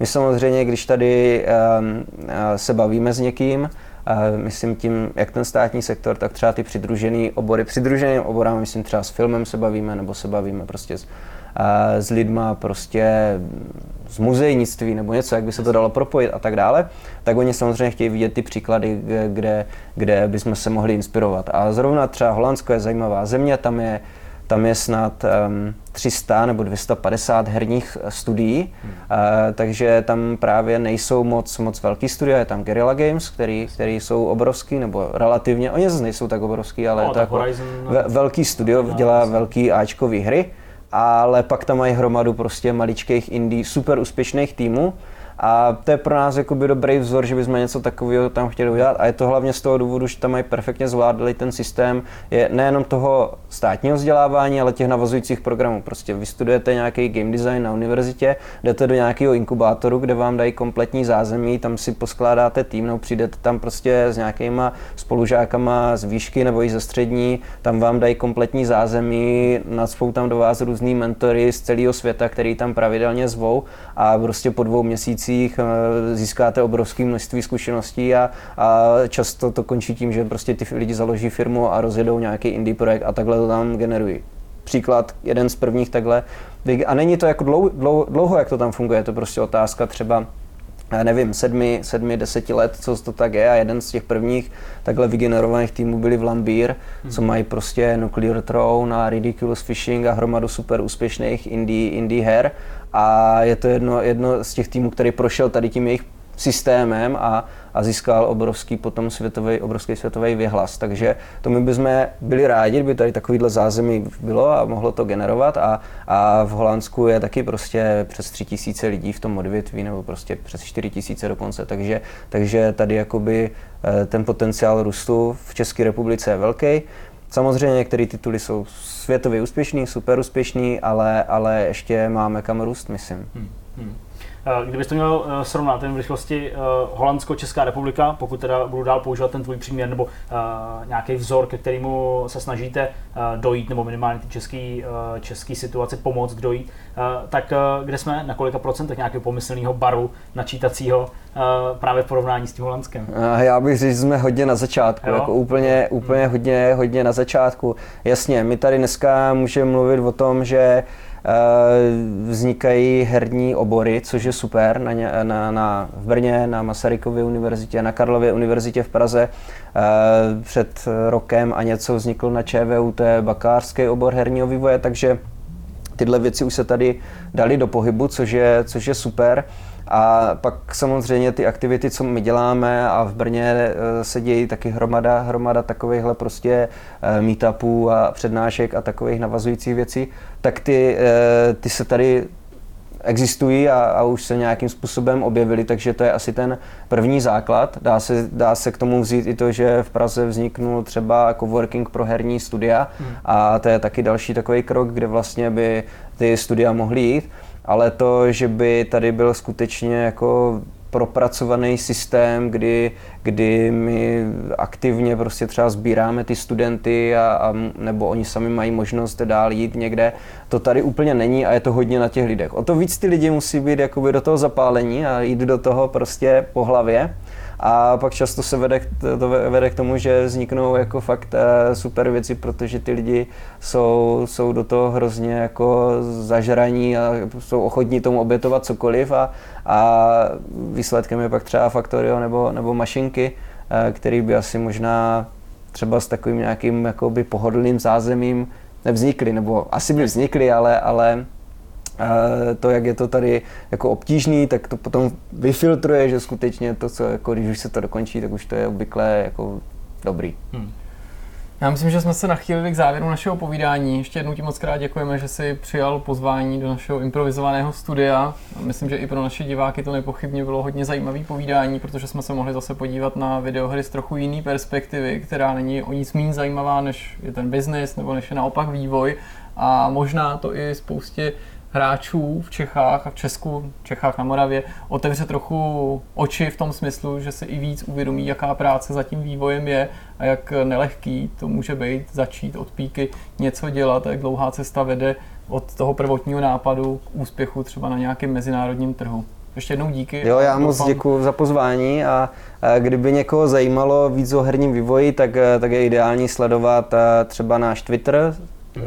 Twitter zavináč české hry, nebo prostě české hry to je náš Twitter a na Facebooku je herní skupina, teda herní vývojářská skupina, stačí zapsat herní vývojáři a vyjede prostě skupina, kde je dneska asi 2000 vývojářů a tam se právě informuje o tom, jaký akce probíhají, jestli jsou tady nějaký meetupy, ať už v Brně nebo v Praze, a, nebo i v Plzni třeba jsou nějaký srazy a takhle se dá dostat do, do kontaktu s herníma vývojáři v České republice jednoduchým způsobem. Takže uh, nebrečte a nebuďte smutní, určitě v tom nejste sami ve vývoji. Ještě jednou, Pavle, moc díky a já pevně věřím, že se uvidíme zase třeba na téma GDS uh, trochu blíž, až se bude blížit ten aktuální ročník. Díky moc. Děkuju. Ahoj. Rozhovor máme za sebou a jak jste si mohli sami všimnout, byl to docela macek, ten rozhovor, ne ten host, uh, i když to je už je taky macek. V každém případě začal nás jako obvykle v tento moment, ačkoliv eh, pro vás je to kterýkoliv jiný moment, trošku tlačit čas, takže já se pokusím žvanění omezit na minimum a zdaleka si nejsem jistý, jestli stihneme všechno a přesuneme se na dotazy. Je to tak? Protože tam pořád máme pár restů a bylo by to od nás ošklivý je pořád odsouvat. Čti, budeš tak, čtář, uh, nebo četník. Počtář. Budeš, bude, bude, budeš četník, já Uživatel s přezdívkou Kratos nevím vole, Píše, hrál jsem třikrát Last of Us na PS3 a nyní si ho chci zahrát znovu, ale už mám PS4. Má cenu kupovat remaster? Kolikrát že hrál Last of Us? Třikrát. Třikrát. Uh, já za sebe říkám, že to smysl nemá. Uh, protože uh, myslím si, že ta grafika, která na té čtyřce je, tak jako ano, je lepší. Samozřejmě je to ve Full HD rozlišení, aspoň tuším, nechci mm, je to Full HD, ale je to, je to, je to mm. Full HD. Takže jako určitě by si z toho měl lepší jako vizuální zážitek, ale já si myslím, že už po čtvrtý ti ta hra zas až hmm. tolik toho moc dát ne, hmm. nemůže, protože prostě příběh bude pořád stejný, ty akční pasáže proti clickroom, pravda, dobře, můžeš vždycky hrát trochu jinak, ale já si fakt myslím, že po čtvrtý už bych hmm. to nehrál. V tom prvním roce, když to vyšlo, tak to byla skvělá hra. Já jsem tehdy v recenzi napsal něco jako, že to je paradox, že ta nejlepší hra na PS4 je hra původem z PS3, protože se perfektně ovládala. To nový ovládání bylo mnohem lepší než na PS3 už kvůli prostě hmm. novému DualShocku a taky uh, musím jako ještě zdůraznit, že ten remaster byl opravdu remaster vyšší kategorie než třeba u Uncharted příbuzných, hmm. protože tady tak trošku už oni s tím počítali, hmm. že to nasadí na ten nový hardware, takže si mohli dovolit o to víc, ale souhlasím s tebou Zdeňku v tom, že po třech hraních si myslím, že jenom kvůli grafice nebo lepšímu dojmu z ovládání už to už asi to smysl nemá, nemá smysl. protože i ta nabídka je dneska mnohem větší než těch prvních 12 měsíců,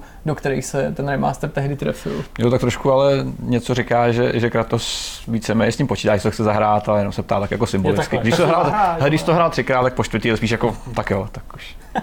Uh, Vernírek 99 se ptá, ahoj, co si myslíte o HTC Vive Pro? Podle mě je to velký posun dopředu a konečně by mohla být grafika obstojná. Hele, můj názor na VR to v tuhle chvíli ještě pořád nemění, ale jsem rád, že se ten hardware posouvá tímhle směrem, protože technická stránka je pro mě pořád ten největší blok momentálně. Ten hardware je sám pěkně, Vive Pro vypadá fakt super, už je to jako prostě už na pohled je to, už je to hezký hardware na pohled. Vypadá, no, a plus, plus ty, ty technické zlepšení jsou samozřejmě jenom plus, jo, takže, takže do toho. Hele, za mě uh, jako VR, ačkoliv s tím mám třeba nějaký jako částečně vlastně zdravotní problém, s tím, že opravdu jako některé ty fakt mi nedělají dobře, tak uh, za mě má největší mínus a překážku současný VR eh, kvůli kabelům. Hmm. Takže pokud prostě přijde jakýkoliv VR bezdrátový, tak uh, to pro mě bude vlastně vítězství a pokud bude mít super rozlišení a podporu gigantickou, co se her týče, tak to je jakoby jedině dobře, ale pro mě fakt na prvním místě stojí hmm. bezdrátovost, hmm. protože minulá zkušenost jako během Silvestra z PlayStation VR,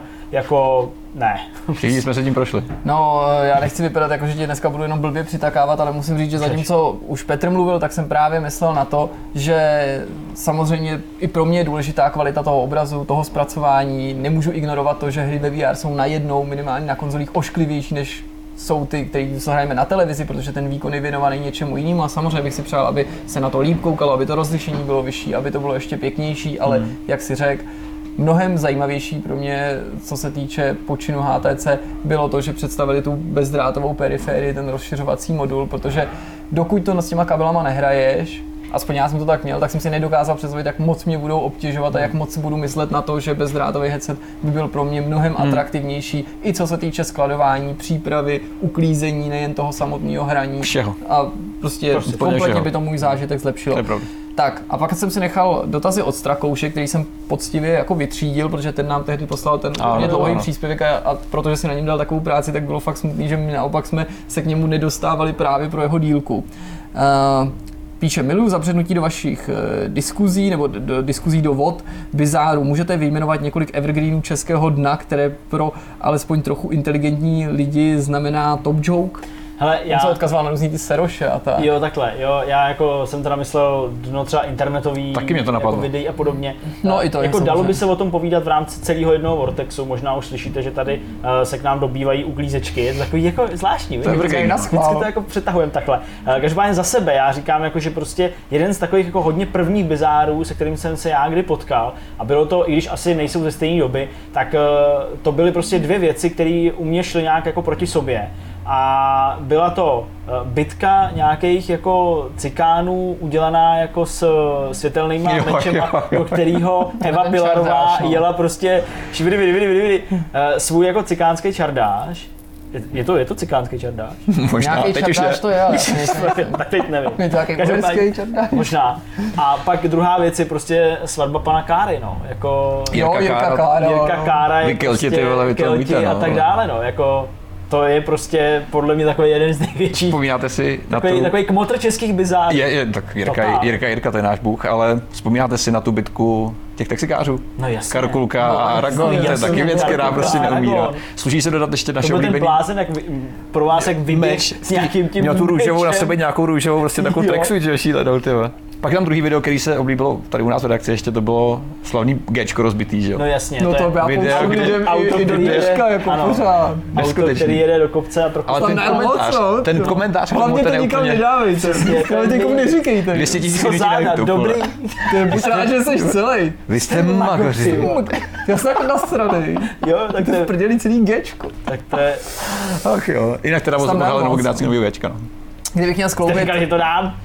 jo, jste říkal, že mám, Jo, dobrý. Uh, abych skloubil vlny YouTube a televize, kterou jsem taky zmínil, tak já si jako opakovaně ujíždím na politických debatách a diskuzích z 90. let, jako je 7 čili 7 dní, a nebo co týden dal, prostě s odstupem třeba jako už i 20 let, je to co víc než dokonce i často 20 let, je to jako zábavný i poučný současně. Někdy bizarní, když je tam třeba sládek, hmm. někdy fakt poučný, když se tam řeší třeba rozdělení federace, fakt mohl bych to jako každému třeba doporučit a jako obdivu lidi, kteří to tehdy nahrávali na nějaký VHS a dneska se o to jako jsou ochotní podělit, protože to nevysílají často ani televize z nějakých archivů nebo v rámci Mhm. nějakých velmi raritních jako vzpomínkových vysílání a častěji ještě česká televize než Nova. To myslím, že vůbec by nám nějaký ukázky ze sedmičky už eh, nedala. tak eh, další, dalšího příspěvek eh, kombinovaný s otázkou. Po dlouhé době jsem si udělal čas na to, abych si něco zahrál a to prequel Life is Strange, poslední epizoda, což bylo příjemné. Zde bych se chtěl zeptat, jestli plánujete po nějaké době bližší rozbor něco jako byl pozor spoiler. Snad ne. Já myslím, že My jsme to rozebrali víc než do, během těch dílů, že jo? Tam už asi není potřeba šát. A on možná Dál. myslí obecně i nějaký povídání o hrách v tomhle duchu. Hele, jako... já si myslím, že těma čtyřma videama, které jsme s Jirkou uh, vytvořili, tak uh, určitě jsme tím jako otevřeli možnosti. A myslím si, že teď jako říkat nějaký konkrétní věci uh, nemá vůbec smysl, protože žádný konkrétní věci v tuhle chvíli na papíře nejsou. Jsou samozřejmě nějaký okruhy videí, které by šlo tímhle způsobem zpracovávat a určitě není vyloučeno, že se v nich budeme třeba věnovat konkrétně jedné hře uh, z nějakého takového pohledu, ale co se týče Life is Strange, hovořím tady i za kluky, tak jako nemám v tuhle chvíli nic na stole, hmm. nic, co bychom připravovali, ale jako nápad se to samozřejmě dá využít, bych řekl. Ptá se tak, jestli můžeme naznačit, co máme v plánu do budoucna ohledně rozhovorů, což se objevilo od víc lidí, protože se ptali, pozvete toho, pozvete tam toho, koho pozvete a tak dál. To jsme samozřejmě i částečně jako zapříčinili a iniciovali my tím, že jsme jako vyzvali lidi, aby nám napsali prostě svý typy, koho by rádi viděli, což my jsme všechno vzali na vědomí, ne, že bychom to jenom někam spláchli do internetového kanálu, e, přihlídneme k tomu. Faktem je, že když jsme ten pořád na začátku rozjížděli, tak jsme si ho představili v mnohem jako menším měřítku, mnohem soukromnější, mnohem jako víc jenom o našich jako přátelích a nejbližších kolezích a pak se jako zjistilo, že vlastně tohle je tak super jako součást, ten rozhovor mm. a zvát si sem lidi přímo z biznisu a vývojáře, že jsme se řekli, že se na to soustředíme nebo budeme soustředit mnohem víc a tím pádem v tuhle chvíli máme úplně nekonečný seznam lidí, který bychom tady chtěli vidět a vlastně každý týden bojujeme s tím, jestli už konečně můžeme pozvat tohle, můžeme už konečně pozvat nebo ko, koho zase pozvem. A to jsme si na začátku říkali jako kdo Možná. sem vůbec přijde, bude sem mm. někdo chtít přijít, takže v tuhle chvíli my neříkáme na nikoho ano ani ne, všechny ty návrhy jako bereme v potaz, ale je to jako dlouhý seznam lidí, Přesně který tak, no. třeba já vím, že ani za v tomhle roce ještě nevyčerpáme celý. Si troufnu jako předvídat, protože těch lidí je fakt strašně moc, který bychom chtěli, aby za náma přišli a popovídali o tom, co dělají nebo na čem pracují. Hmm. Uh, Píše Strakouš, vím, jak máte rádi otázky typu vaše nej, proto si nemohu odpustit dotaz, jaká je vaše největší srdcovka, oblíbená série. Tak zkuste vystřelit aspoň jednu, i když to nebude ta nutně nejvíc nej. To je těžký. A třeba Final Fantasy. Je to jedna z mnoha oblíbených sérií. Dobře, nej. tak já řeknu třeba Gothic. Třeba. A třeba Star Trek? Ne, tohle to, neber to úplně zle, ale tohle se fakt strašně odpovídá, protože těch jako her je hrozně moc a a těch sérií je strašně moc a všechny jsou nějakým svým způsobem super a dobrý a já prostě fakt nemám jednu nejlepší, hmm. já to prostě nemám. A já za tuhle chvíli asi opravdu dokážu říct nic hmm. než Star Trek, hmm. mohl bych říct Mass Effect, ale ale to, je zase spíš... jedna z mnoha, no, právě no. to... jedno z RPG, který mě bavilo, který bych si zahrál znova, hmm. ale prostě jo, nutně to nemusí znamenat, že je to tanej a to myslím, že kluci mají fakt úplně stejný. Hmm.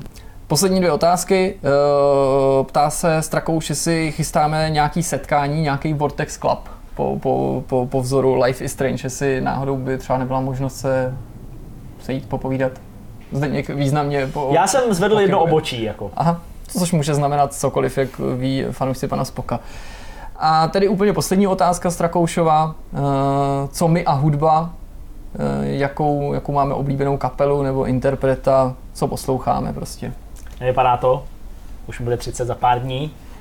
Já jsem ale punkrockový milovník, takže mm. já miluji zahraniční punkrockový, eh, punkový kapely. Český moc ne, nikdy jsem je tolik neposlouchal, znám je, ale punkrock, eh, vždycky mě 15 let a prostě poslouchám. A mm. takový ty klasiky, takový ty jako Offspring, Blink, Blink. to je moje. Tak. No, tak jako já myslím, že jsme to už taky párkrát říkali, že o mě by snad mělo být znám, že nejvíc poslouchám klasický rock, folk rock, pak soul ze 60. let, z Motownu, eh, Detroit a tak dál a mm, že neposlouchám v podstatě skoro žádný interprety, kteří jsou ještě naživu. Kluci si z toho ještě legraci, že to je úplná výjimka, když je někdo naživu, že ještě neumřel, tak a když je náhodou naživu, tak ho musím samozřejmě chytit, jako třeba byl tady koncert Jerry Louise, který jako podívu ještě naživu, taková hvězda z 50. let, to se moc často nestává. No a jako prostě bylo by těch kapel hrozně moc. Jsou to ty klasické rockové kapely, prostě Pink Floyd, Led Zeppelin, Rolling Stones, prostě strašně zízí to strašně moc, ale kdybych měl jmenovat jenom jednu, tak by to byly Aerosmith, který pro mě vyčnívají nad tím vším. Prostě Aerosmith jsou pro mě jako stělesněním toho, co já si představuji pod rokovou hudbou. Hmm. Nesnažím, že by to byl nějaký nejušlechtilejší rok, to vůbec ne. Jsou tady kapely, které jsou mi jako blízký pro tu kreativu, jako jsou třeba Genesis, ale Aerosmith mám prostě rád, ty si pustím, ať mám dobrou náladu nebo splín. Já jsem vyrostl na na roku a metalu v podstatě, no, včetně, včetně těch nejšílenějších górových věcí a podobně, to už mě takovou upustilo. Taky znosil čím, vlasy. Čím, to, to, období temna, období temna. Eh, čím starší jsem, tím se samozřejmě otevírá ten repertoár, to, co se ti líbí a co jsi ochotný poslouchat, že jo. Helena, Hanka Zagorová. Dalibor Janda. Eva Vašek. Janečkovo solo na věcí. Takový ty, takový ty 80 bice. No ale, jak to sjíždí dolů postupně a pak tam první bizar, takový to, ten eh, právě patřil k, k Janečkovi. Nepamatuji se, jak se jmenoval, ale jak zpíval o té vizice. Vem si moji vizitku a víš, kým máš tu čest. Ne, ne, ne, ne, ne, to na to, to, ale to si puste. Vizitka, song vizitka. Neotevírej tohle tu pandořinu skřínku. Tak to má, to má Petr nejradši. Určitě z poslední doby, co jsem si, co jsem, eh, mám ale, co jsem si zaposlouchal, tak je určitě soundtrack posledního Doomovi, ten mě fakt baví, musím říct. Je to, je to krásný čistý metal, lepší, je to lepší metalový album než většina metalových alb, který ten rok vyšly, což je docela zajímavý, protože je to, je to na zvučení fakt parádně, což já mám na hudbě rád, prostě čistý silný zvuk, proto vlastně nesnáším všechny možný punky, grunge a všechny takové věci. Teďka se přijede lavina pěstí ze všech stran, no, tak, to, tak to, tak to kravatičku dostanu. Ty máš rád crew a ještě k tomu máš rád punk. Každý díl já se jsem, od sebe dál a dál vzdaluje. Já jsem esence všeho špatného, bohužel. Ach, jo. Co se týká dotazů, tak Jirko, máme ještě něco, nebo to byla poslední to bylo, tečka? Uh, z dotazů všechno a já teďka přemýšlím jenom, jak uh, jak tenhle ten vortex ukončit a zároveň vám říct, že mlátí tady paní uklízečka vysavačem do dveří ve snaze vyhnat nás z kotvy, protože totálně přetahujeme a z toho důvodu se vám omlouváme, hmm. ale nestihneme probrat na začátku avizovaný horor, který hrál Zdeněk, ten Nightfall, říkám to správně, ano, to Nightfall, Nightfall. Nightfall. Protože než to ošulit tím, že bychom tady za pět minut něco nastříli a stejně bychom to nestihli, tak eh, to radši přesuneme do dalšího dílu, tak eh, nám toto eh, politování hodné Fopa. Fopa. Fopa. Přešlápnutí a fopa odpuste, prosím. Dobrá, tak jo, tak se mějte hezky, uvidíme se za týden zase uh, ve stejné sestavě. Uh, doufejme, že i s dalším zajímavým hostem. A jako první téma příštího Vortexu skutečně bude Nightfall. Ale opravdu. Ale opravdu. Mějte se hezky. Čau. Ahoj.